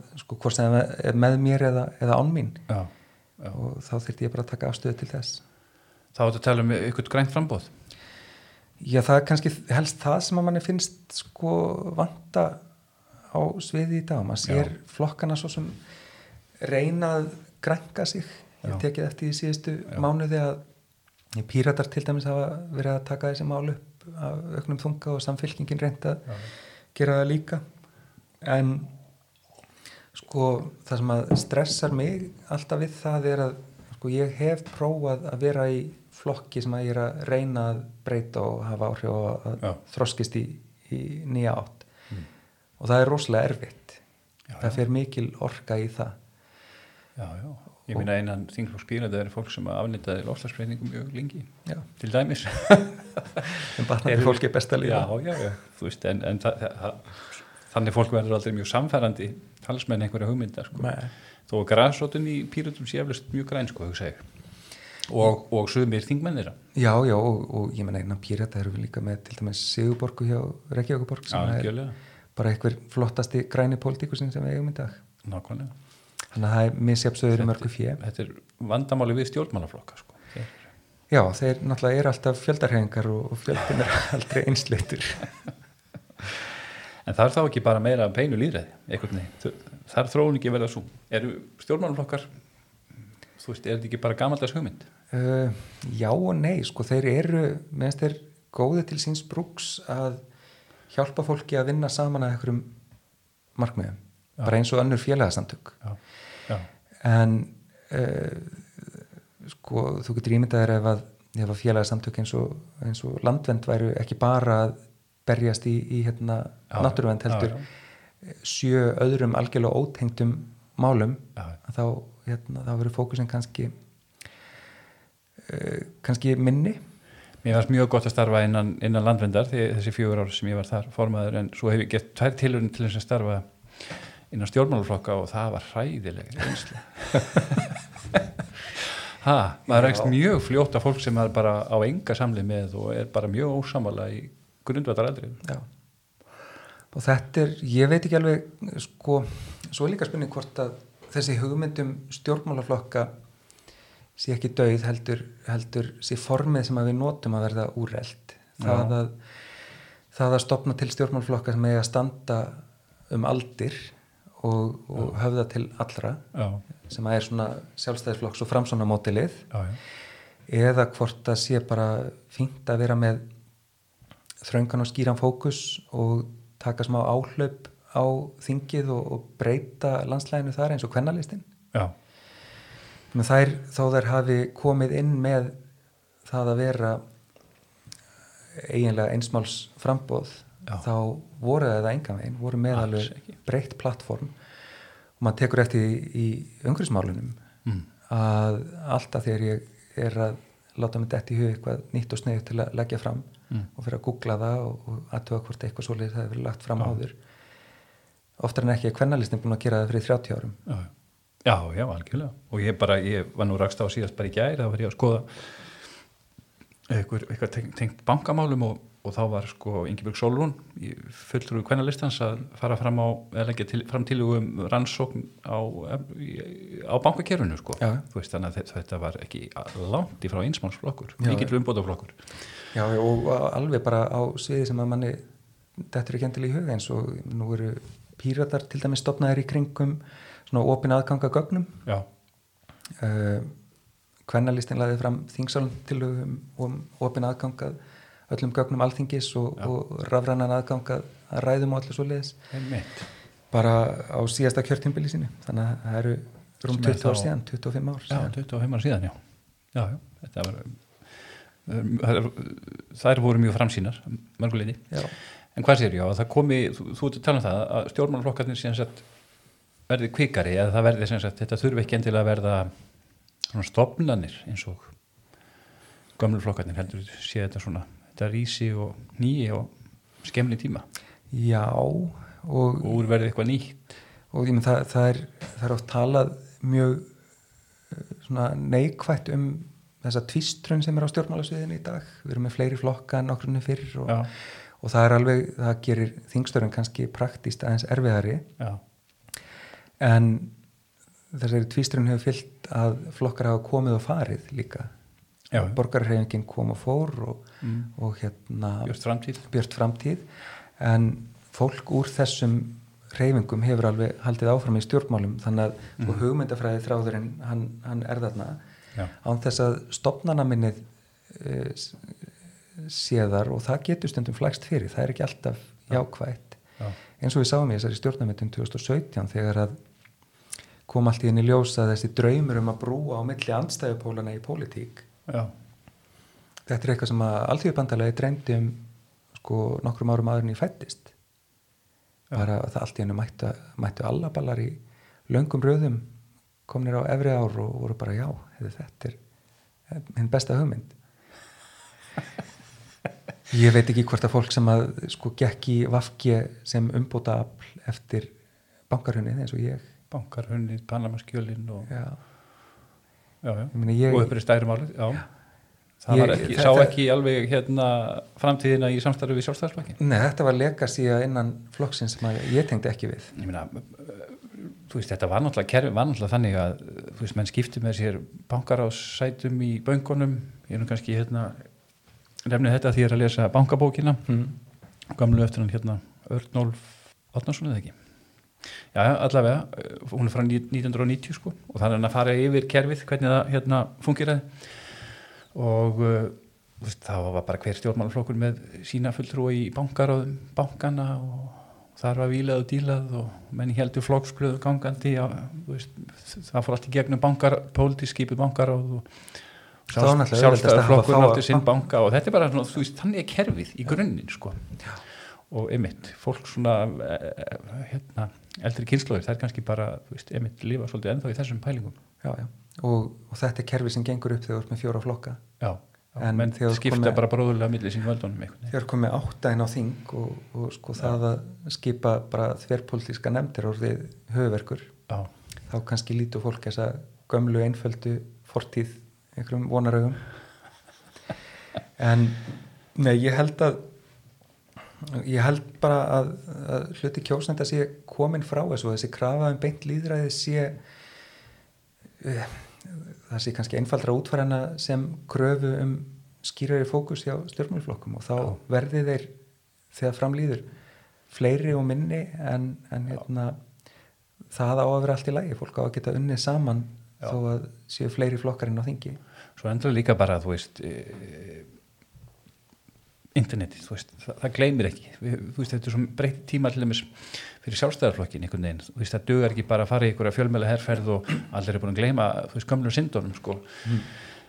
það er alltaf öðun önnur staða fyrir þessar gömlu stofnanir einhvern veginn að fronta að koma fram og, og mæta almenningi, það, þú veist, fólk man miklu meira núna út af því sem að lifur á netinu Já. og samfélagsmiðlunum öllu þessu sko, þannig að hérna,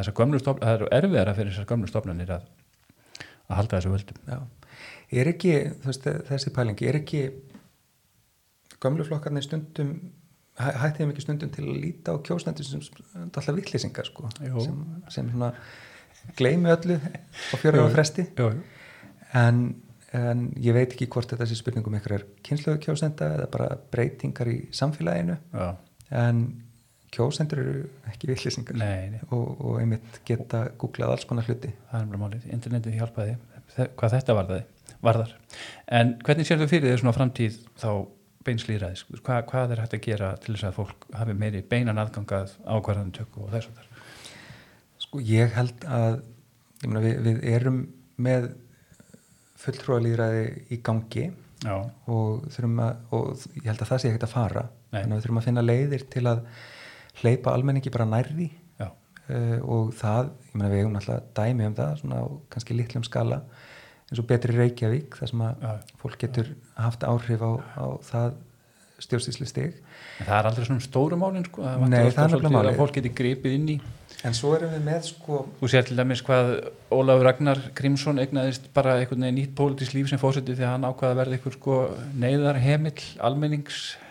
Já. fólk vil hafa einhvern svona hafa stjórn á sínum stjórnmálamönnum að þeir gerir bara ekki einhverja tóma villis að því ég held að fólk þrái það ekki endilega að þurfa að hanga yfir pólitík þú veist dagstaglega og hérna uh, kynna sér öll málinir í hörgul. Það vil, en það vil samt geta að þú veist stoppað menn af ef þeir eru komnir og langt Já. og það er náttúrulega sko. og það er náttúrulega kannski einn mikilvægasta breytingin á stjórnarskrá sem þarf að gera að taka þetta taka þetta vald af fósetta og færa það þjóðinni. Þannig að sko, hluti kjósenda geti krafist þjóðratkvæðagreyslu um einhver mál. Það er mál sem hefur gengið ótrúlega illa að koma inn, í gegn. Já, er samt sen, já, bara, sennilega bara eitt af allra mikilvægasta. Já, það er líklega það er bara einfælt ástæða fyrir því. Það, er, það, er, það eru valda flokkar í samfélaginu sem vilja ekki að almenningu fá þetta vald. Já, já, en svo þurfum við líka bara að fletta þetta inn víðar, ég meina þingið til dæmis er með, fyrir með öll mál í umsagnaferli þar sem hver sem er getur skilað einn umsögn. Já.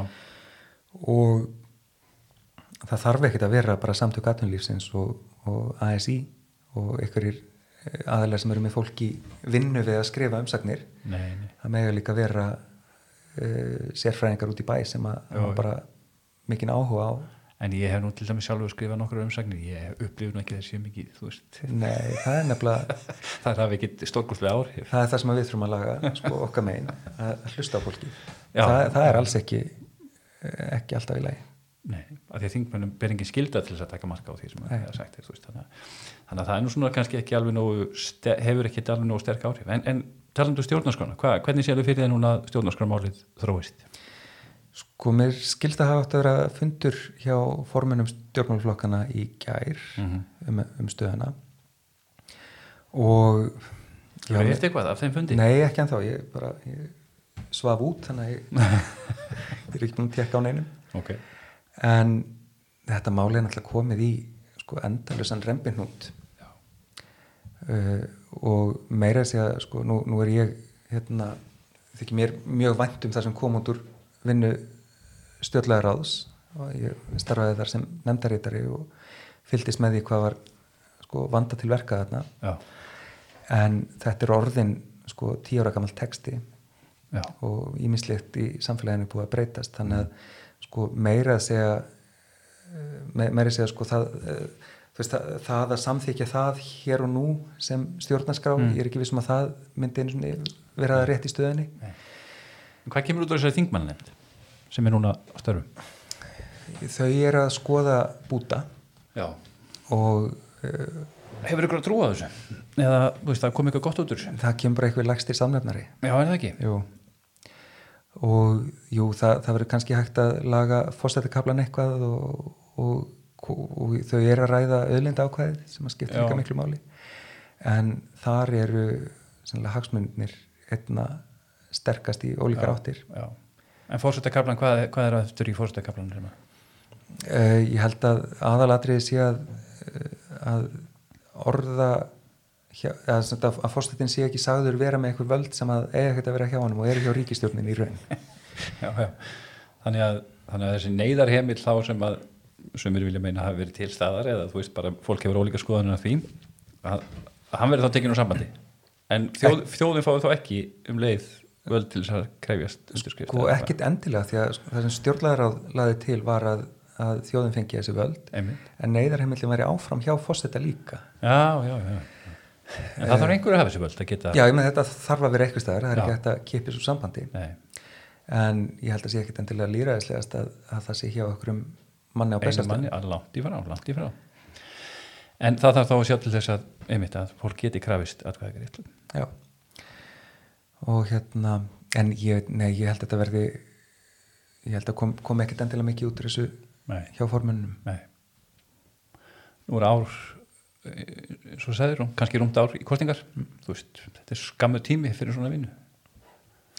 Já, hún er alltaf búin að vera í gangi allt kjörtímbilið og, og planið held ég að hafa alltaf verið að koma með frumvörpin Já. á næsta vetri. Já, já, af því að þetta þarf að klárast á vetrinum fyrir kostningar já. En svona með þær fréttir sem hafa komið út úr starfinu þá er maður ekkert ekkert, allt úr bjart eða alltaf ekki ég, ég. Nei, þetta virkar, virkar pínu eins og, eins og sé ekki ekki meiri hlutið þannig í hópnum fyrir að klára eitthvað. Nei, nei. Eitt sem að mál sem að líðræðismál sem þú hefur verið að beita það fyrir er lækun kostningaaldurs í 16 ár. Já, hva, hva, hvern, Hvernig stendur að þú hefur tekið þetta mál svona á þínar herðar? sko þetta er þetta er mál sem að sem að uh, ég bara einhvern veginn áttaði mig á að skipta í máli þegar ég fór, fór að skoða það. Um, ég oft talaði um að ég hafi byrjaði stjórnmálum hérna, eftir bankarhunnið að því mér langaði að gera samfélagi betra. Mm og f- svo fattaði ég bara þegar ég fór að skoða lækun kostningaldus að það væri sennilega bara mjög effektív leið til að gera samfélagi betra já, til lengri tíma. Já, vegna þess að uh, sko ungt fólk þegar það hugsa um eigin hagsmunni Já. þá er það að hugsa til langra framtíðar á meðan eldra fólk þeirra eigin hagsmunni liggja í, í skamtímanum já, já. þannig að meira segja sko sjálfselski ungi kjósandin er, er hérna, getur verið góður fyrir, fyrir sko þróun samfélagsins. Og finnur þú fyrir kröfu um þetta hjá ungu fólki er, er, sem yngre en átján, er það, það vill þetta? þetta er, þetta er mál sem að hérna, ímis samtök ungsfólks leggja sko, mikla áherslu á. Landsamband ungmennafélaga og, og hérna uh, ungmennráð samfés og, og ungmennráð ungmennafélags Íslands hafa, hafa öll verið að, hérna, ræða þessi mál. Já. og maður hugsa stundum sko þegar maður bara hugsa um sjálfan sig á þessum aldri maður hugsa neini, maður hefði ekkit haft gott af því að hafa kostningar í 16 ára en, nei, en sko ég, það er spurning sko hvort þú sért að vannmeta sjálfan þig. Já, það geti verið. Eða eða hvort uh, þú sért að vannmeta ungt fólk í dag því að ég held líka, sko nú erum við svipa gamlir já, og þegar maður fylgist með uh, aktivista krökkunum Já. sem að eru að standa í dag fyrir föstudagsmótmælunum og, já, og alls konar svona uh, samfélagsbreytinga mótmælum Mm. þetta er bara, þetta er fólk af allt öðru kaliberi en, en ég var þegar ég var 16 já, þetta er náttúrulega fólk sem e, það er þetta sama þú veist, þetta er fólk með aðganga miklu meiri upplýsingum heldur, Já. en- heldur en við höfum á þessum tíma. Og sko það háir stjórnmálunum rosalega að, að flokkarnir eru mjög gamlir. Já, þeir höfða ekki til ungsfólks í dag. Uh, og einmitt að því að við byrjum á því að tala um hvað ég er gamalt þegar ég byrjaði, byrjaði á þingi á 37 og þú sagði að þú var svona ungur. Já, ég var það miða við þingið já, já, já, en, en hvers konar staða er það þegar að sko það að vera næstum færtugur er að vera ungu þingmaður já, já. uh, en ég held að sko ef að ef að kostningaldurinn færist neðar Mm. nýr í 16 þá eru líka sko tveir árgangar fólk sem að er sko samkvæmt lögum börn já. orðin kjósendur Mm. að þá neyðist stjórnmálinn til að tala við þann hóp uh, neyðist til að, að hérna, flétta hann inn í stefnumótun mm. og það er eitthvað sem að sko geti haft mikil áhrif á þær ákvæmlega sem eru teknar Já, já. En hvað, hvaða rauk hafa menn fælt gegn þessu? Af hverju, og það er anstæða við þetta, eða ekki? Það er, þetta allavega fer ekki gegnum þingið, svona auðveldlega. þetta er sko það, það sem að uh, það eru náttúrulega rauk sem að eru svona minna málefnaleg eh, sem að uh, snúast um að ungt fólk hafi ekki þroska til að, að eh, taka þessar ákvarðanir og geti orðið undir ámiklum áhrifum fóreldra sinna og, og allt svo leiðis þau rauk sem að ég hins vegar kannski uh, tek mest mark á og eru þau sem eru helst að koma frá ungu fólki sjálfu er að það sé ekki búið að undibúa þau nógu vel. Já, já. Við erum með aðalnámskrá sem að það sem er eh, gert ráð fyrir því að fólki sé kent líðræði í skólum. Mm og skólarnir eru bara að gera þetta mjög misvel. Já. þannig að e, þegar þú útskrifast úr, úr barnaskóla, eða grunnskóla þá er bara allur gangur á hvort þú hefur fengið fræðslu við hæfi og hvort þú hefur fengið að upplifa skólastarf þar sem að líðræði er fléttað inn í allt starfið. Og við þurfum sko, við þyrftum hvort þið er að laga þetta en, en samhliða lækun kostningaldur styrt að koma þessu alveg bara upp, upp í 100% Já, já. Þannig að þetta væri bara þroskandi fyrir, fyrir fólk, Já, og fyrir ung þá- fólk, að, ef þessar breytingar eru gerðar. Já, það held ég og, og, og myndi neyða kerfið til að hugsa betur um þessa hluti. Og þeir sem hafa engan áhuga á stjórnbánum, þeir eru náttúrulega ekkert, neittir til þess að kjósa. Nei, nei, þeir bara, þeir skrópa á kjördaði eins og, og fullanda fólki sem vil ekki kjósa. En við setjumst þetta niður þá opnaði ég á internetinu á Twitter og Facebook á, á hérna spurningar til því. Já, Má ekki bera nokkrar upp? jú, prófum, prófum. Heyrðu, það er Snæbjörn, það er nú fyrirvændi þingmaður, varaþingmaður fyrir Pírata, Arti Björn, Art, Arti Björn á Twitter. Hann spyr myndi Andri styðja þjóðaratkvæða kreislu um aðild Íslands á NATO og svo kemur setjum spurningin aðeins öðru, öðru kaliberi, hver er uppáhalds belgiski bjórinni? Já, Á hverju viltu byrja? Þjóðaratkvæða kreislu NATO eða bjórin? byrjum bara, tökum þetta í svona röð, þessari röð.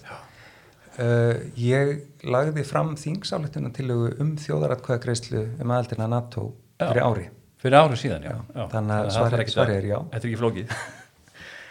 uppáhalds belgíski bjórin uh, sko ég, ég bjó, bjó náttúrulega í Brussel í, í þrjú ár og, og hérna, þú veist, allir þessir exotísku bjórar eru æðisleir, allir Já. hérna, leffarnir og, og það en ég mér fannst mjög gaman að, að kaupa bara einn hérna, sjúbilir Já. bara, bara heiðarlegan fjöldaframleitan lagerbjór Já. og að, að því að sko meðan bjórin líka snóða svo mikið um stemningun og það að drekka svona léttan og, og, og mildan bjór Já. út í sólinni Já. mér finnst það alveg Það er góð tilfinning.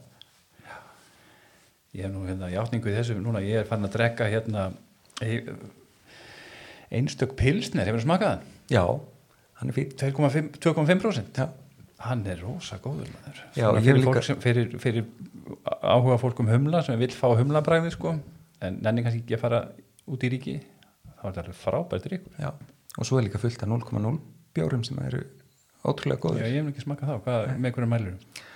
Uh, ég treysti mér ekki alveg til að skera úr um það ég bara, ég drekk það svolítið blindandi en, en hérna en það, mér finnst það skemmtilegt sér að búa til þetta bragð án þess að, vínið fylgi með Já, ok. Erðu, Andris Jónsson spyr á Twitter að Andris Jóns, eh, hann segir ef þú þyrtir og, þyrtir í hástöfu að ganga í eitt flokk sem nú er á þingi, annan en vafki, í hvaða flokk myndir þú? Ganga? Já. Þetta, þess er erfið Já. sko, ég er náttúrulega grínastundum með að ég sé utan flokkurinn þannig að ég sé eiginlega í mínum eigin flokki þú ætlar að komast fram hjá þessu svona? já, er það ekki Jú, jú, það er bara, ég veist, ég get ekki snúðið upp á höndina þér. Erðu, Gunnar e, spyr af hverju, af hverju stendur hann upp úr meðal þingmanna? Hvernig heldur hann sér hilbriðum í umhverfi þar sem flestir finnast ekki ná að standa fyrir hugssjónu sínar? já, sko Já, fyrir það fyrsta þá held ég nú að sé fullt af fólki sem að er að gera góða hlutin á þingi. Já, og ég ætla nú ekki að, að hérna, lifta mér upp fyrir hópin nei, en mm, ég einhvern veginn sko veist, þe- þetta með að, að standa með þeim hugsunum sem að maður byrjaði í stjórnmálum fyrir. Mér finnst það einhvern veginn svo sjálfsagt og, og auðvelt. Ég veit ekki alveg hvernig maður svarar þessu. Nei, einmitt. Hérna og, og það er reyndar það sem komið kannski mest á óvart í til dæmis stjórnamynduna við ræðunum Mm. að sko öll skrefin voru svo sjálfsögð. Það, ég- ég upplýði aldrei að ég var einhvern veginn að mig var að reka af leið heldur frekar að, að hérna sko við vorum að gliðna í sundur vegna þess að restin á hópnu væri komin á eitthvað stað sem að væri skrítin. Uh, Var það ekki bara svo við, hérna, förum aftur í hérna flokks, flokkstjórnafund, miðstjórnafund, nei, hvað er þetta, hérna, flokksráð. Flokksráðsfund þar sem að þetta var samþygt að fara í ríkist, þetta ríkistjórn samstarf, var þetta ekki svolítið sál tilfinning, var þetta ekki alltaf, hvernig var að standa þarna eða vera í þessum sal og horfa upp á þetta gerast? Finnst þér þú upplifður að vera í svikin, Nei, vombriðið væntalega? Mér, ég, ég var náttúrulega komin sko, svekkelsistíinu náði ég miklu fyrr. Já, já, en það sem var kannski vestáðu sem fundi var hvað það voru margir reyðir og ég upplýði það til dæmis þegar ég reyðir út í þig? Já, og, og rósu. já, ég upplýði það þegar sko, í, það, það var í nokkrum ræðum þar sem það var sko hreitt ónótunum í okkur.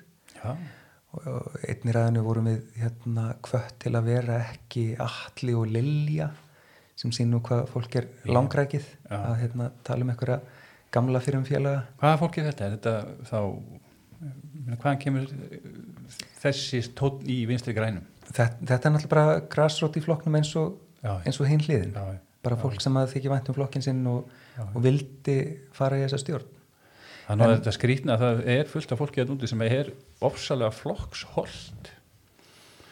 já, Það kemur mann alltaf jafn mikið óvart að það sé svona. já, og svo er líka bara fólk sem að, sem að mat stöðuna þannig að þetta væri sniðu ákvörðan Já, já. bara alveg, alveg óháð því já. Herðum, ein spurning hérna, uh, Hildur Karen, að Hildur Karen Svaff, ef hann mætti bara borða eina sósu að eilífu, hvaða sósu myndi hann velja? Bernes er ekki lengi verið að velja þetta. Nei, en sko, Hildur er hérna, hún vil helst fleiri sósur Já, já. Mér finnst þetta mjög skrítin spurning hjá hann ég held að hann vildi fá tvæ, þrjá sósur og á allt Er það Bennes? En hún er nú ekki góð fyrir heilsuna, Bennesósan. Þú, Nei þú, það er nú eitt mál sem þú hefur verið að fjalla svolítið um. Það er hérna, er það ekki, það er eitthvað tengist svona veikindum hjá ungu fólki, hjartasjúkdum eða Já, ég náttúrulega fór í hjartaðagerð fyrir ári alveg rétt. Tölum um þetta beint út frá Bennessósunni. Bennessósun. Það bara mjög vel við Nei, Nei, það, það Hvað sér, fórst í hjartaðagerð fyrir, fyrir ári fyrir ári síðan? Já. Þá sem sagt, og það á sér lengri sögu frændi minn fekk hjartaáfall þegar hann var uh, já, 35 held ég eitthvað slegis Ok. og þá fórum við nokkrir eða, það, það var læknir í ættinni sem að raka okkur nokkra í tjekk og komið ljós þegar ég var þá bara um þrítugt að ég var með þrengingar í kransaðum Já. bara rosalega ættgengur uh, blóðfettu sjúkdómur Já. þannig að ég er búin að vera á livjum og, og í tjekki núna í, í sko næstum áratug Já. og svo bara þegar ég fór í tjekk þarna fyrir ári þá komið ljós að ég var bara með alveg stíplaða kransæð Já, og þú átt framdæðin um þetta að þakka, hann hafi reykið í þessa rannsó. Já, og þetta þingmál sem að þú ert að tala um, það snýst eiginlega um að það verði kerfið sem að reyku fólki í rannsók. Þannig að ef að, ef að ung manneskja undir 40 eða 50 fær hjarta áfall, Já. að þá verði send, send, send skilabóð bara til nánustu ættingja sem að gætu verið í áhættu hópi fyrir vikið. Það verður bara landlæknir, þá er það eitthvað sem verður falið það hlutverk. Já, eitthvað þannig. Já. Uh, vegna þess að sko þegar ungt fólk fær hjartaáfall þá eru orsakirnar yfirgnæðandi arfgengar. Já. Eldra fólki þá ertu komið hérna, jú. sjúkdóma. En, en þegar þetta kemur fyrir fólk á unga aldri þá, þá er það, er það genin, Já, og það er þannig að þarna í nánasta ringi kringum frænda minn erum við held ég tveir eða þrý sem hafa verið í tjekki sem munum ekki fá hjartaáfall vegna þess að við bara greindumst ná að snemma Nákvæmlega. ekkert mál að halda þessu neyri með livjum og, og Mm. vestar sem gerist er að í tjekki kemur í ljós að þarf að fyrir aðgerð og þá er það gert Já. og þetta, ég meina ef ég hefði fengið hjartáfall fyrir tveimur árum og, og hérna kannski hlotið einhverja örorku af því eða dáið eða hvað það er það er miklu þingra fyrir samfélagið en, en að vera með mig í tjekki all líf Nákvæmlega. Finnur, hefur þú fundið fyrir breytingum eftir aðgerðina? Nei, þetta, ég fann engin enginni fyrir og engin eftir Já. og það er einmitt að því að sko vegna þess að þetta gerðist hægt út af því að ég var á livjum allan tíman Já, já, já. þá bara lagaði hjarta sig að breyttu blóðflæði Akkurat. Já, já. þannig að ég var bara mjög heppin Herðu, hér er hérna uh, á Facebook komið nokkur spurningar Arnar Snæberg Jónsson spyr stemmarinn í þingflokki VFG Já, þú kannski getur ekki svarað þig, þú ert ekki lengur í þingflokki VFG en hvernig heldur hann sé? uh, ég get náttúrulega bara svara hvernig það var þegar ég var og hann var uh, misgóður Já, þú veist, dagstaglega er ekkert máli að halda stemningu og, og hérna uh, ég meina við það, það er ekkert mál að vera kammo Já. Þó, þó að þú sért uh, þú veist, fútlundi niðri. Já, eða gaus upp náttúrulega í kringum kannski helst ákveðnar atkvæðagreislur eða ákveðslega okkur málum. Já.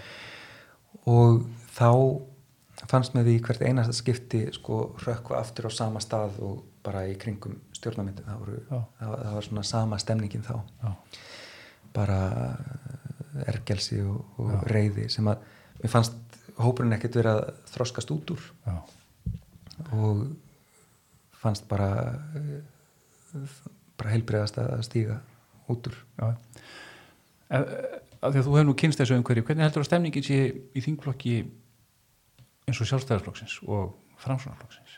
Er, er, öð- er hugafærið allt annað hjá því fólki sem eru fulltrúið þessara flokka? í, Eru vantar hugsunum fólki þannig?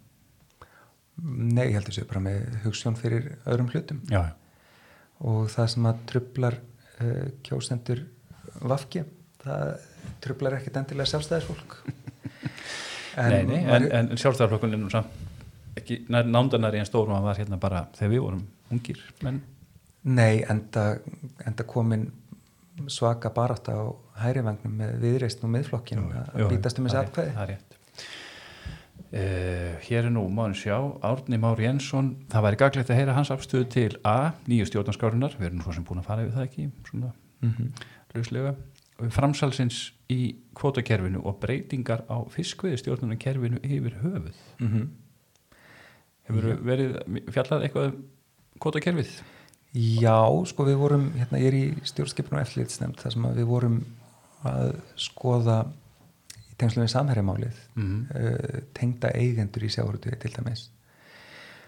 Þar sem að stekkur svoleiðis ámanna hvað, hvað hérna lagaverkið í kringum sjáurútuegin er allt of lind Já, þannig að þú mátt eiga 49% í útgerð og, og ert ekki tengdur eigandi. Einmitt.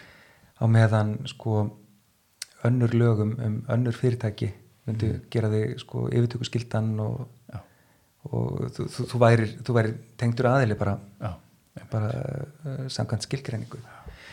Og þetta er náttúrulega eitthvað sem að verður að laga og, og, og síðan bara fólk fái að þjóðin fái eðlega rentu fyrir fyrir þess að sameilu auðlind og já, það, það en nú, en nú lækkaði, lækkaði veið, hafa veiðigjöldin lækkað Já. Og það búið að fresta þessu máli með þarna, einmitt að þrengja þetta með eignarhaldið. E, og sjávartur sá þeirra nýtti COVID ástand til þess að íta því fram að haustið. Já, það þessar umbætur sem áttu að vera, koma fram í kjölfar þess að Panama skjölu, nei ekki Panama skjölu heldur hérna. Hvað heitið þið? já, hérna Samherjaskjölin. Samherjaskjölin komið fram. Þá áttu að grípa til umbóta tillagna samkvæmt því sem að ríkistjórnin sagði og nú búið að fresta þeim út á COVID. Já, já, já og það, það er alveg meirinn að segja að breyta þessu kerfi og, og það að ætla að gera það á síðasta vetri fyrir kostningar, ég held að það gerist seint. Nei. Finnur þú fyrir þrýstingi í þessum málum svona frá greininni sem þingmaður? Mm. eða, eða er þeir ekki að tala við þig beint? Þú veist, þú ert kannski ekki líklu til þess að vera þeirra, Ég- þeirra stundins ég held að mest í þrýstingurinn sé kannski á fólki í, í nefndunum sem að fjalla um þessi mál. Já, þannig að það er ekki mikið mæðir menn er mér. ekkert að ringi þig en, en menn þetta, þetta er náttúrulega sko þetta er eitthvað sem hefur verið vandamál í samfélaginu bara frá því að við erum ná gamli til að fylgjast með Mér það pólitík. er búið að vera rífast um kvotakerfi alla, þú veist, og þetta við hafa verið kostningamál, kostningar eftir kostningar Já, og uh, menn hafa komið fram með alls konar tilugur og aldrei breytist neitt í rauninni, sko, nefnum bara að fámennur hópur verður ennþá valda meira og ennþá ríkari, sko. Já. Og eignarhaldið þringist meira fækkar störfunum í kringum sjáurðvegin uh, landsbyðin fyrir lútur ríkisjóðu fyrir lútur þú veist, þetta er ég er heila komin að þá skoðun að stjórnmálflokkarnir mun ekki ná að breyta þessu. Það þarf, ég, mér finnst að ég er hann svo hrifin að borgaraþingi núna og svona þessum já, þannig aðferðum sko, slempið vel borgaraþing að alveg svo Írar hafa gert til dæmis Mhm. með mörg framfara mál hjá sér til dæmis. Ég held að lögjöf um fóstureyðingar það ekki, fór það ekki Jú, gegnum svona ferli í, á Írlandi? Jú. já. þú veist þannig að við þurfum eitthvað svona eitthvað þannig ferli til þess að breyta Já. kvotakjörnum og ég, ég held sér alveg rétt að þeirra því að sko þjóðin er miklu róttakari heldur en þingið. Það bara sýnir sig. Í eiginlega öllu. Já. við í öldurinn ég búin að gera konun um samfélagsbanka þú veist, meira hluti vill samfélagsbanka gerist ekkit í þeim efnum inn á þingi Nei, og nákvæmlega tala- náttúruvendinni, þú veist, við vorum að gera góðana kannun í náttúruvendinni, kom alltaf í ljósa almenning og stutti náttúruvendir aðgerðir, aðgerðir. Já, og, og sko með samfélagsbankan þá, þá er núna einhver höfverkur um það hvort að bankar á markaði geti veitt einhver lán sem að mögulega geti uh, verið, hvað hann segja fjárhagslega vafasum Já. stuðningslán á, á tímum COVID Já.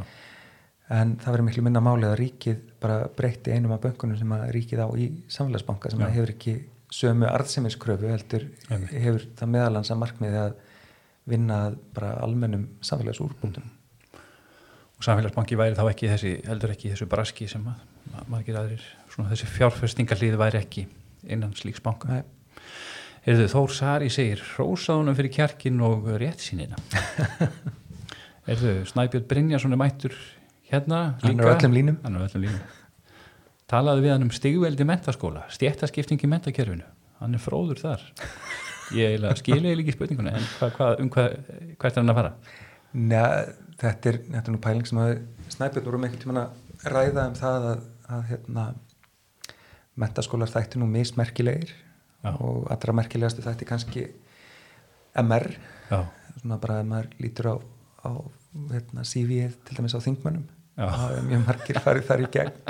Já, og hvernig þetta væri stundum sko eh, hvernig þetta eh, gerði þinginu stundum erfitt fyrir að meta breytingar á mentakerfinu vegna þess að þingmenn hafi of einslitan bakgrunn.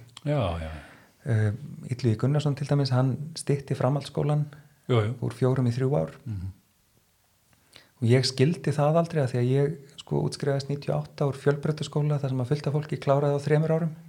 Já, þannig að þessi, Já, já, þessi stytting hún make sense í heimi mentamálar á þeirra sem að hafa allir verið í bekkiskólum já, já, en þegar kemur að eh, sko, fjölbreytaskólum þar sem að fólki bara í áfangakerfi og tekur þetta á þremur til fimm árum eftir því hvernig stendur á hjá því já, þegar fólk er í skólum sem eru með sko uh, yðnám, verknám alls Já. konar sko greinar sem að passa ekki inn í uh, kassan sem að, að sem að yfirstéttin þekkir best sem að eru sko reynir bóknámsskólar bekkjaskólar.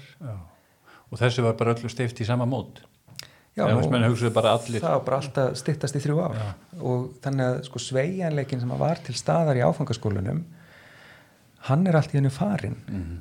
Og bekkjaskólanir eru komni með allt og mikið hérna, álag á nefnendur þannig að þetta er, þetta er ekki gott fyrir neitt Ég held að þetta hafi verið glötu breyting. já, ég Sinn meina tíma. ekkit að því að einstakar skóli ákveða að gera þetta sjálfur eins og Kvennó gerði fyrir nokkrum árum Já, já. uh, en þá bara treysta skólastjórnendum til að meta hvernig starfinu sé best háttað já. En hvað var þetta? Var þetta krafur frá uh, samtökum aðurlýsins eða hvað sem? Já, þetta var bara, þetta var bókstallega það að fá fólk fyrir út á vinnumarkaðin bara græða heilt ári í, í hagvexti Það, það mátti stýta kannski í grunnskólanum eitt árið eitthvað. En já, já, Það er lengri umræða. Sigfús Þótt Sigmundsson spyr afstöðu hans til aðeldar Íslands að ESB og upptöku efrunar og hvort hann telji þingflokku afgíja klófin í því máli. Já, Það er ekki, það eru stóru málin. Heldur Eins hvort að ríki þöggun innan VFG um umræður um Evrópumálin. já. Svona í tilöfni þess að í dag er Evrópudagurinn, segir hann. Já, hann í dag. Öllu glimmar. Sigfús er vel að sér í Evrópu umræðinni. Jú, jú. Hérna, sko, kannanir á því hvar kjósundu vafki standa hafa alltaf verið þannig síðan ég byrjaði að fylgjast með þeim að þriðjungur væri mjög á móti ESB aðild, Já. þriðjungur fylgjandi og þriðjungur óákveðin. Ok. Þannig að þetta er erfitt mál fyrir flokkin. Já, en umræðan hefur aldrei endur speklað þetta, heldur hefur hún alltaf verið, sko, stefnaflokksins er að hagsmunum uh, Íslands er betur borgið utan ESB. Mm. Þannig að einhliðin á, á, á stefnuskrána, Já. en hagsmunir breytast.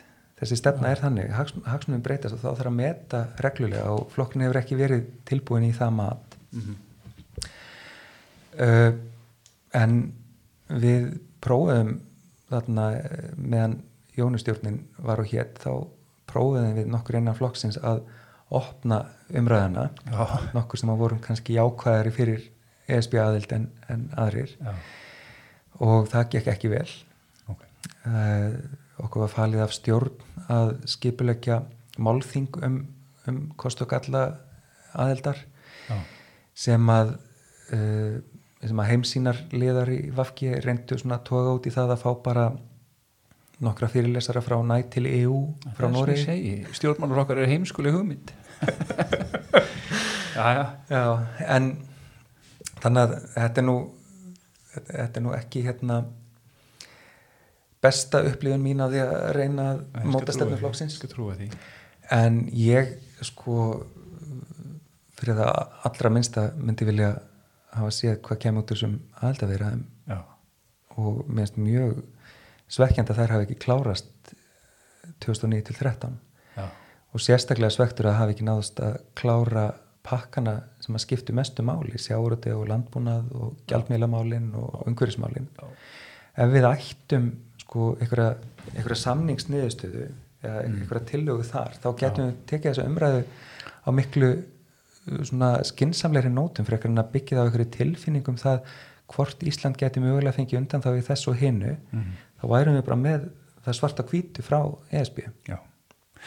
Sko, nú spyr ég bara svona að því að ég, eh, við getum endalust talað með Europamálin en, en það sem hefur alltaf sett svona, ég seti spurningamerki við Europasambandi það er líðræðismál. Mér finnst maður bara eitthvað einn svona, þú veist, við erum lítið samfélag, við, veist, það er, það er stutt í stjórnmálamennina og veist, þetta er svona bara ágætis fyrirkomulag, þú veist, þannilega, það er bara líðræði að gera. Er það ekki ókostur að, þú veist, einhvern veginn missa þá ennþá meiri völd svona langt frá? Jú, ég meina það, það er alveg fullt af ókostum og kostum Já, já. Við, við þessa mögulega aðild og, og fjarlægðin er, er einn af ókostunum. En þú veist, ég meina það var það sem að gera breytana veist, eða hluta því sem að gera það verkum að breyta töluðu alltaf eins og þeir, þeir töluðu og það endaði í þessu já, þessari óanægu öldu sem síðan endaði í Brexit og svo náttúrulega erum við í þessari skrýtni stöðu í gegnum EES aðildina að við erum að taka upp rosalega mikið af já, reglum já, já, að utan án þess að hafa átt eitthvað, eitthvað samtala um það. Og Það mikið af þeim er mjög til bóta eins og hérna lögum mat á umhverfisáhrifum hefðu algjörlega. aldrei verið smíðuð hér heima nema því að við fengum það utan. Fullt af, fullt af umbútamálum sem komu í gegn. Já, en, en fyrir vikið þá eru þau kannski ekki sniðin nógu vel að íslenskum aðstæðum. Mm. þannig að móti kemur og nú kom við að einn í jarðsprenginu með það er orkupakkin ég var algjörlega á móti fyrsta orkupakkan þú veist, við allt innu tókum upp ykkur lögjöf sem var, þú veist, á, í þessu öður samfélagi tókum upp ykkur lögjöf sem að hérna, þurftum ekki á að halda, þú veist Mhm. en það var nú framsvonarflokkur held ég sem gerði það á sín tíma, sko, og Já, já. sjálfstæðisflokkur þú veist, og, og hérna svo allt innur rísa þeirn upp núna og þykist það eitthvað mótuður, sko, en, það var bara til að geta búið til eitthvað svona samkefnisumhverfi og búið til nýja fjárfestingarlegir fyrir, þú veist, það sem áttu peningana og já, já, Vist, allt nú voru Finnur Ingólfsson og alls konar lið farið að skipta sér af sko raforkumálum. Já. Já, já, og þarna var bara, þarna var tekin mjög meðvitið ákvörðun um að orkumálinn heyrði undir ES samstarfið. Og þetta var, Það hefði alveg verið hægt að segja, við erum hérna eiga, við erum ekki tengt ég neinu. veit það, þetta var bara klúður í upphafi eða ekki Ég held að þetta hafi verið mjög meðvitað. með, já, já, Ég held að þetta hafi verið eins og þú segir sko til þess að geta skipt orkumarkanum upp í litla búta sem væri þægilega að, að hérna, enga veða. Um, sem betur fyrr hefur... En þú veist, þetta var þá ákvörð á þeim, þeim tíma, þú veist, þetta er í rauninni ekkit sko Evrópusambandið eitthvað að ásælast eitthvað eins og umræða var núna í kringum þriði orkupakka, þetta var Mm. bara íslenski stjórnmálamenn sem ákvaðu að sækja ekki mundan þá á sín tíma Já. fyrir þetta. Já, og, og ég menna þessir eldri orkupakkar, þeir make a sense í stórri álfu eins og Evrópu sem er öll tengt saman. En fyrir litlu eigan okkar þá er það að skipta upp flutningi og framleiðslu og, og dreifingu í smásölu, þú veist, þetta er alveg það, þetta er óþarfi á. Já.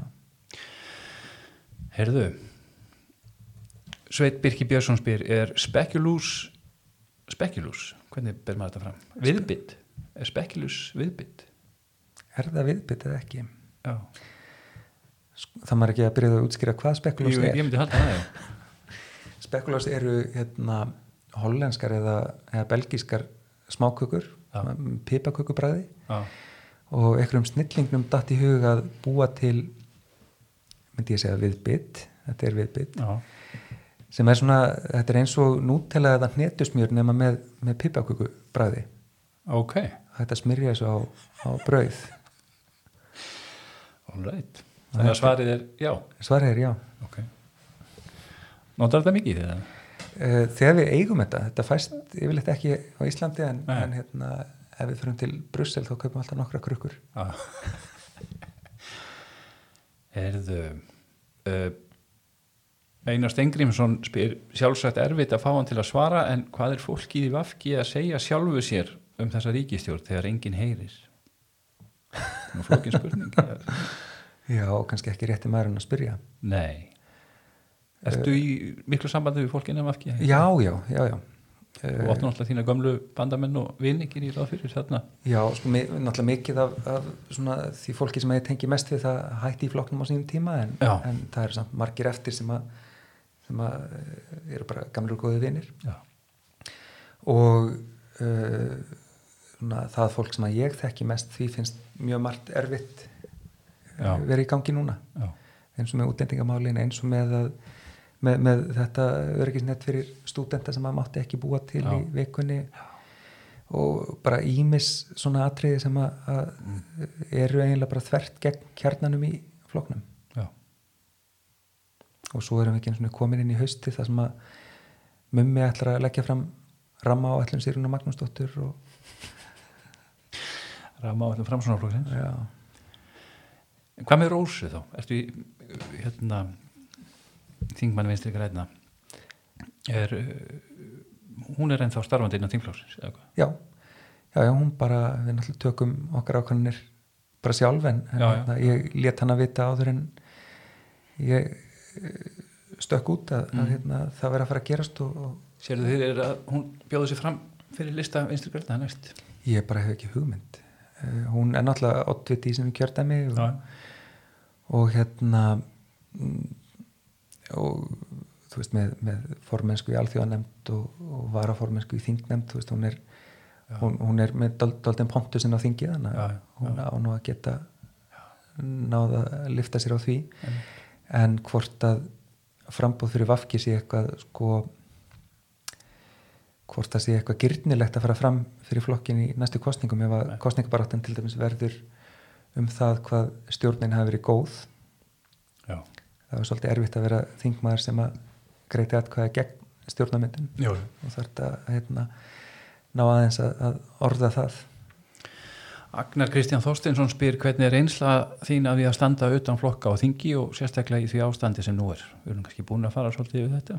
já, ég held hún sé bara fín sko þetta hérna og- mér líður vel og, og hérna ég á bara fínt samstarf við fólk í öllum flokkum Mm. það, þú veist, það, það, þannig var það fyrir og þannig er það áfram Já. það er engin uh, ma maður er aldrei einnin á þingi þó maður sé ekki í þingflokki með neinum öðrum Finnst þér ekki erfitt að, sko ég hef lendið í þessu stundum að, veist, maður er svona skrifar um hitt og þetta um pólitíkina og hefur svona sína skoðanir og, og leður maður kynnist fólki, bara svona persónulegum level, að þá svona verður maður deigari, það er svona, maður verður, það fer svolítið svona brotturinn, sko. Maður, hérna, maður, maður, maður er ekki eins, sko, maður þarf alltaf að hugsa sig um áður en maður fer að hjóla í fólk sem maður, sko, er búin að sitja, nýbúin að sitja með og drekka kaffi eða og spjalla við á, á, á hérna, venjulegu nótum og bara svona um daginn og veginn sko. Já. þannig að er þetta einmitt þessi þetta umhverfi að vera svona nálegt sko anstæðingum sínum, er þetta ekki alltaf erfitt Jú, og er þetta, ekki einmitt hættan þessi einhvern veginn, maður svona verður svolítið degari ég held að geti verið áhættam á því, sko. Og, en á móti getur þetta verið jákvætt. Þetta þýðir að þú, sko, þú hjólar ekki í fólk nema á málefnalegum fórstendum. Kannski já. verður umræðan betri fyrir vikið. En jú, þessi nánd, eh, þetta á ekki bara við þingi, heldur bara nánd almennt í samfélaginu eins og, eins og sko, milli bankamanna og bladamanna og stjórnmálamanna fyrir hrun. já, já, Það var bara stort vandamál. uh, Hilmar Ægir Þórðarsson með góða spurningu hvert er þitt guilty pleasure í tónlist? Karogi. Karogi, en já, en það er ekki nefni eitthvað, uh, það er nú allir gamla karogi sko, Já, já. sem eitthvað geta sungið Sko, já, það er ekki, ég flokka það ekki sem guilty pleasure ok. Það, það, má, má maður þá segja Karogi lög á þýsku? Sko, það er náttúrulega líka beinast við alltaf að syngja hérna 99 hlúfballóns já, já, já en svo sem er bara topplag sko. algjörlega, bara mjög gott lag en svo er líka, sko, gaman að syngja bítlalög á þýsku já, er, er það í ykkur þau eru sjálfnast í græjunum en það er hægt að finna textana þessu öllu á, á hérna, símanum bara símanum. Þannig já, já. Smá vesen en, en hérna sí lípti, já, já, já það er alveg en bítlarnir er ekki guilty pleasure sko. er ekkit sem hún hlustar á sem er út ekkit í abba eða svo Nei, ég daldið sko það sem ég hlust á þegar ég er fjarrri fjölskylduna því að fjölskyldinu finnst þetta ekki nógu góð tónlist. Það er bara það sem ég hlust á þegar ég var pjakkur. Mm. veist, við erum þá að tala um eitthvað gamalt hip-hop og, og eitthvað teknotónlist Ok. bara eitthvað sem ég hefði hýrt á, á UXA 95 þegar ég var þar. Erðu, reynir uh, Sigurbjörnsson spurðu hann um framtíða ráðningarsamband við VFG já, þú er búin að svara því eða ekki? Það er ekkit ráðningarsamband þetta á milli eða hvað? Nei, þetta er bara, bara búið. Erðu, Kristinn Már Ársalinsson er á léttunótunum. Topp 5 mikilvægastu kerfisbreytingarnar. Við erum búin að vera nú þegar í klukkutíma 43 mínútur. Ok, Fimm, topp 5 mikilvægastu kerfisbreytingarnar. Getum við nefnt eitthvað? Á hlaupum já, sko ok, þá þurfum við að ræða þeim í forgang. Sko, við þurfum þú veist, hvað sem það verði öll stjórnarskráin eða mikilvægastu hlutirnir hlutirnir úr einni til að, tryggja annars vegar sko auðlindarentuna og hins vegar eit- eitthvað sterkara líðræði mm.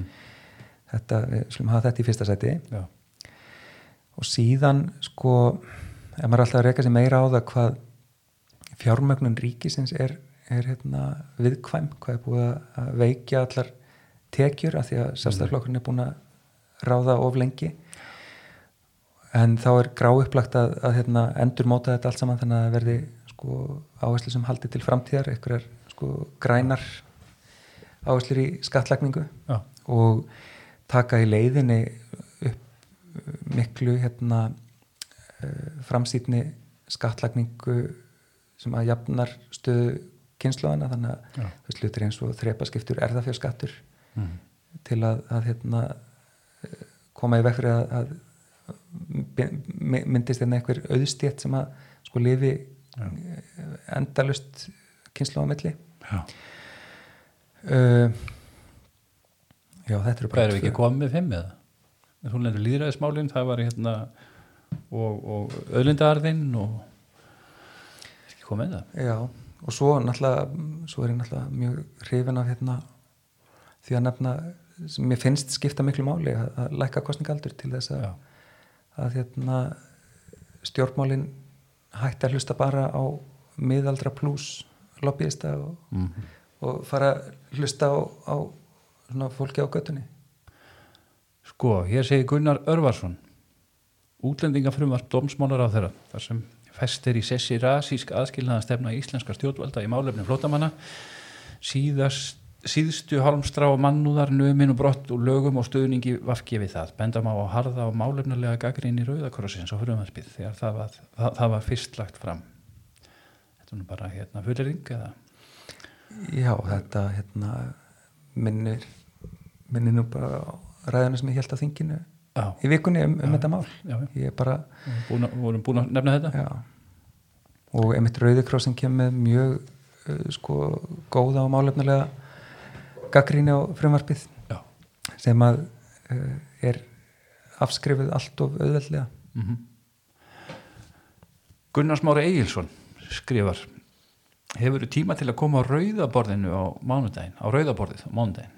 Ég var einmitt að plana að fá því þangað Já, einmitt, hann er með hérna, þetta er stórskemmtilega hérna, zoomspjall já, einmitt Uh, ég þyrfti bara aðtuga við erum líka komin í hlaðvörp, ég er nú hlusta á eitt þátt þar sko, kannski betra heldur en að hangi yfir í YouTube sko, eða Facebook. Já, ég það bara aðtuga hérna, dagskrána hjá fjölskyldinni hvort Já. ég komist. ég bara segja um að ef maður hlustar á þetta þá bara hefur hann samband við Já, eh, talandi um þetta Gunnar Smára og Rauðaborðið sósialistar, hvernig líst þér á sósialista?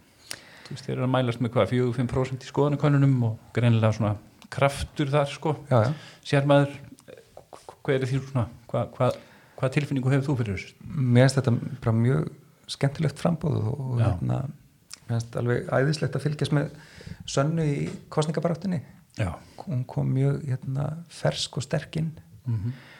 og mér það mitt sko dæmið um það að, að flokkar þetta eru ekkert endilega að koma inn til að vera mjög stórir eða mjög dominerandi en, en þeir Mhm. geta geta skipt miklu til að íta umræðinni í, í aðrar áttir og, uh, og sósialistar eru náttúrulega þú veist, á pappir þá ættu þeir að rúmast innan vafki en, en hérna uh, svona uh, hvað hann segja svona hreitt tótt sósialismans næri ekki alltaf í gegn hjá vafki þannig að það er kannski bara ágætt að einhver sé að syngja þetta í sérstökum flokki. Sérðu sjálfaðin fyrir þér þarna, í, í þessum flokki? ég hef ekki spáð í það. Ég, Nei. ég er bara, eins og ég segi, ég er ekki komið það langt. Nei. Ég er að skoða hérna Twitter, sjá hvað er að er eitthvað dett inn? Hvort ég- það er ennþá þetta hérna spurningar Nei, heyrðu, þetta er komin bara held ég. Heyrðu, en ástæðan fyrir því að ég fekk því hérna til að setjast niður með mér var að svona, það var nú að tala um umhverfismál. En nú erum við búin að tala saman í klukkutíma og 50 mínútur held ég og, og við erum að valla komnir, komnir inn að þá braut sko. Þú nefndir hérna þegar uh, sagðir þið úr þingfloknum meðal annars að það væri ekki gengið nú langt í lofslagsmálunum mm -hmm. hvað er það sem að vantar upp á finnst þér? svona Já, við kannski sjáum það til dæmis á því að þessi aðgræðavallin sem stjórnvöld komið fram með hausti 2018 já, ég held að hún sé ekki upp á nema hvað 6 miljardar yfir nokkur ára tímabil. Og snýst mjög mikið um sko, orkuskipti og mótuðisaðgerir eins og endurreynd votlendis sem að eru ekki stóru kerfisbreytingarnar sem að við þurfum. Mm. Og síðan er liðið eitt og halvt ára án þess að þessi komin sko ný áætlun. Uh, ég hef lagt fram uh, frumvarp um að svona áætlun þurfa að koma fram að minnstakosti á tvekjara fresti mm. og að hún fari í sko óháða rýni hjá lofslagsráði þannig að sé hægt að segja heyrðu, þetta er ekki nógu gott eða þetta er nógu gott. Já, að því að eins og þetta er þá er þetta bara skjál sem að stjórnin uh, setur út og, og svo fer Pér maskina bara í gang og segir að þetta er frábært. Já, já, já. og síðan uh, sko það, það sem að er ekki nóg að gert eru stóru breytingarnar sem að, að þurfa eiga sér stað. Mm það er til dæmis mjög skrítið hvað þurfti að berjast mikið fyrir því að koma borgarlunni á dagskrá hjá stjórninni já, sem tókst fyrst á, á síðasta ári. Já, það er náttúrulega brátt að vera sko fyrsta verkefni stjórnar að tryggja fjármögnun borgarlín og, og hjálpa sveitafélagunum að setja hann í gang. Mm -hmm. af því að það er miklu effektívar í leið til að draga lósun á höfborgarsvæðinu en að koma öllum hérna, millistektar heimilunum yfir í ramagsbíl af, af sko þremi bílum á heimilinu. Já, já, já, já, alveg En hérna Það er gengið illa að gera strætu að svona góðu, eða bara komið upp að góðu almenningssamgangna kerfi hér á höfðbruksvæðinu Já, samt hefur strætu batnað alveg rosalega mikið á síðustu árum. Ég, ég flutti í bæin hvað, svona um 2000 og, og hef tekið hann eh, hingað og þangað síðan já, þá. já. minnst mikill munur á þessu bara á síðustu árum. Já, og en, en sko það að, að koma borgarlínu á koppin myndi alveg sko gjör bilt að þessu kerfi Já. en vandin er að sko með að við erum að með að við erum ennþá að tala um að niðugreiða flug innanlands, með að við erum ennþá að sko Já. tvöfalda vegi frekar en að hugsa um eitthvað eitthvað nýtt Já, þá erum við Já, planið var nú að eða 100 miljardum í að stekka geflægur flug til að fjölga fjölga hérna ferðamennum þó svo við verum með sko í rauninni alltaf mikið að ferðamennum sko. það er ekki hægt að spila bæði eftir gömlu handbókinni og vera berjast gegn lostalsbreytingum Nei, það er nú heila máli það þarf svolítið svona, það þarf í kerfisbreytingu og, og það að hugga allþjóðaflug stórkoslega það er ekki, það er ekki svona í þessa átt sem við, sem við þurfum að vera að fara Nei. Náttúruvendin, það er líka hefur talsvægt fyrir gangi í náttúruvendinni en, en sumt hefur svona þú veist það er greinlega verið að eida meira fíhe og heldur hann fyrir ríkistjórnir í, í, í hluti eins og uppbyggingu vendarsvæða, þjóðgarða mm -hmm. og þess að þar en um, svona gömlu máli, nú er til dæmis kvalárvirkjun það gekk nú ekkert í, í að venda það svæði þanga til að bara efnahags, þú veist, COVID í rauninni stoppaði mm -hmm. það eða, eða það var nú reynda að vita fyrir þetta er mjög lélega fjárfæsting en, en, hérna, en hún gerði hann algjörlega ómögulega þetta ástand mm -hmm. sem er núni í gangi sko en það var ekki vinstu grænir sem að stoppa það er, það er verið að fara í vegagerð við TIX-sko vendanlega sem mjög umdilt framkvæmt uh, og það er svona það er, og það er verið að fara að stað með rama áætlun eða umhverfisáþara hefur lagt fram til framsvonarflokksins framsvonarflokkunum ræði fram fyrst þegar hann var í ríkistjóti hérna með sjálfstæðisflokki. Það er óbreytt til að, að rama áætlun þannig að þú veist, hvað var maður að segja um þess að það er, þú veist, maður finnur það á græningum, sumir eru og fólk í náttúrundarhefingunum, þú veist að sumir segja bara, herri, já, við erum bara, þú veist, þakklátt fyrir það, litla sem við fáum þessar nokkru miljónir sem hefur verið að eða í það mm -hmm. og þú veist að við fáum þennan, það sem á að kallast hálendist þjóðgarður, á þess að það er unni, held ég, stoppi neina virkina framkvæmdir, sko uh, hvað á mann að finnast til? Hvað finnst þér? Sko ég held að þetta endur speklit aldrei hvað græna baklandið er þyrst í eitthvað af því að það hefur mjög lítið gerst í öngrismálum bara síðustu sjú árin allavega. Uh, mummi er alltaf unni farin að friðlýsa sem að sko fyrir ráð þeirra gerðu ekki. Já. og hann er að sko friðlýsa alveg í, í röðum uh, svæði sem er í vendaflokki ramáðallunar Já. sem að þingi samþýtti 2013 að erðu friðlýst Já, þannig að þetta eru svona svolítið sjálfsögumál finnst manni sko. Já, en, en, en það þarf greinlega ráð þeirra sem að vil klára þau til áhuga, að klárist Það þarf áhuga saman ráð þeirra en, en hérna þegar kemur að umdeldri málum þá er ég ekki sem að nái miklu í gegn Nei. og rammavallunin er einmitt gott dæmi um það Já. sko hún það er líka ágætt að rifja upp hvernig framsnáflokkurinn lagðana fram á sínum tíma Já Eh, það var umsagnarferðli og þremundum síðar þremundum eftir umsagnarferðlið var hún komin inn til þingsins óbreytt frá því sem fór í umsögn. Þannig að, ráð, já, að ráðherran sko ég myndi segja að rammaáallunin eins og hún var þá uppfylli ekki lagaskilirði fyrir því að vera lögð fram. Já. af því að það var bara al, almenna samræðu var bara hunsað. Já, en hún var lögð fram aftur á Björn Ólastóttur og svo ætlar mummi að leggja hana aftur fram óbreyta já. þannig að hann er að taka ónýta rammavællin og bera hana fram eins og hún sé bara það sem verði að bera fram já.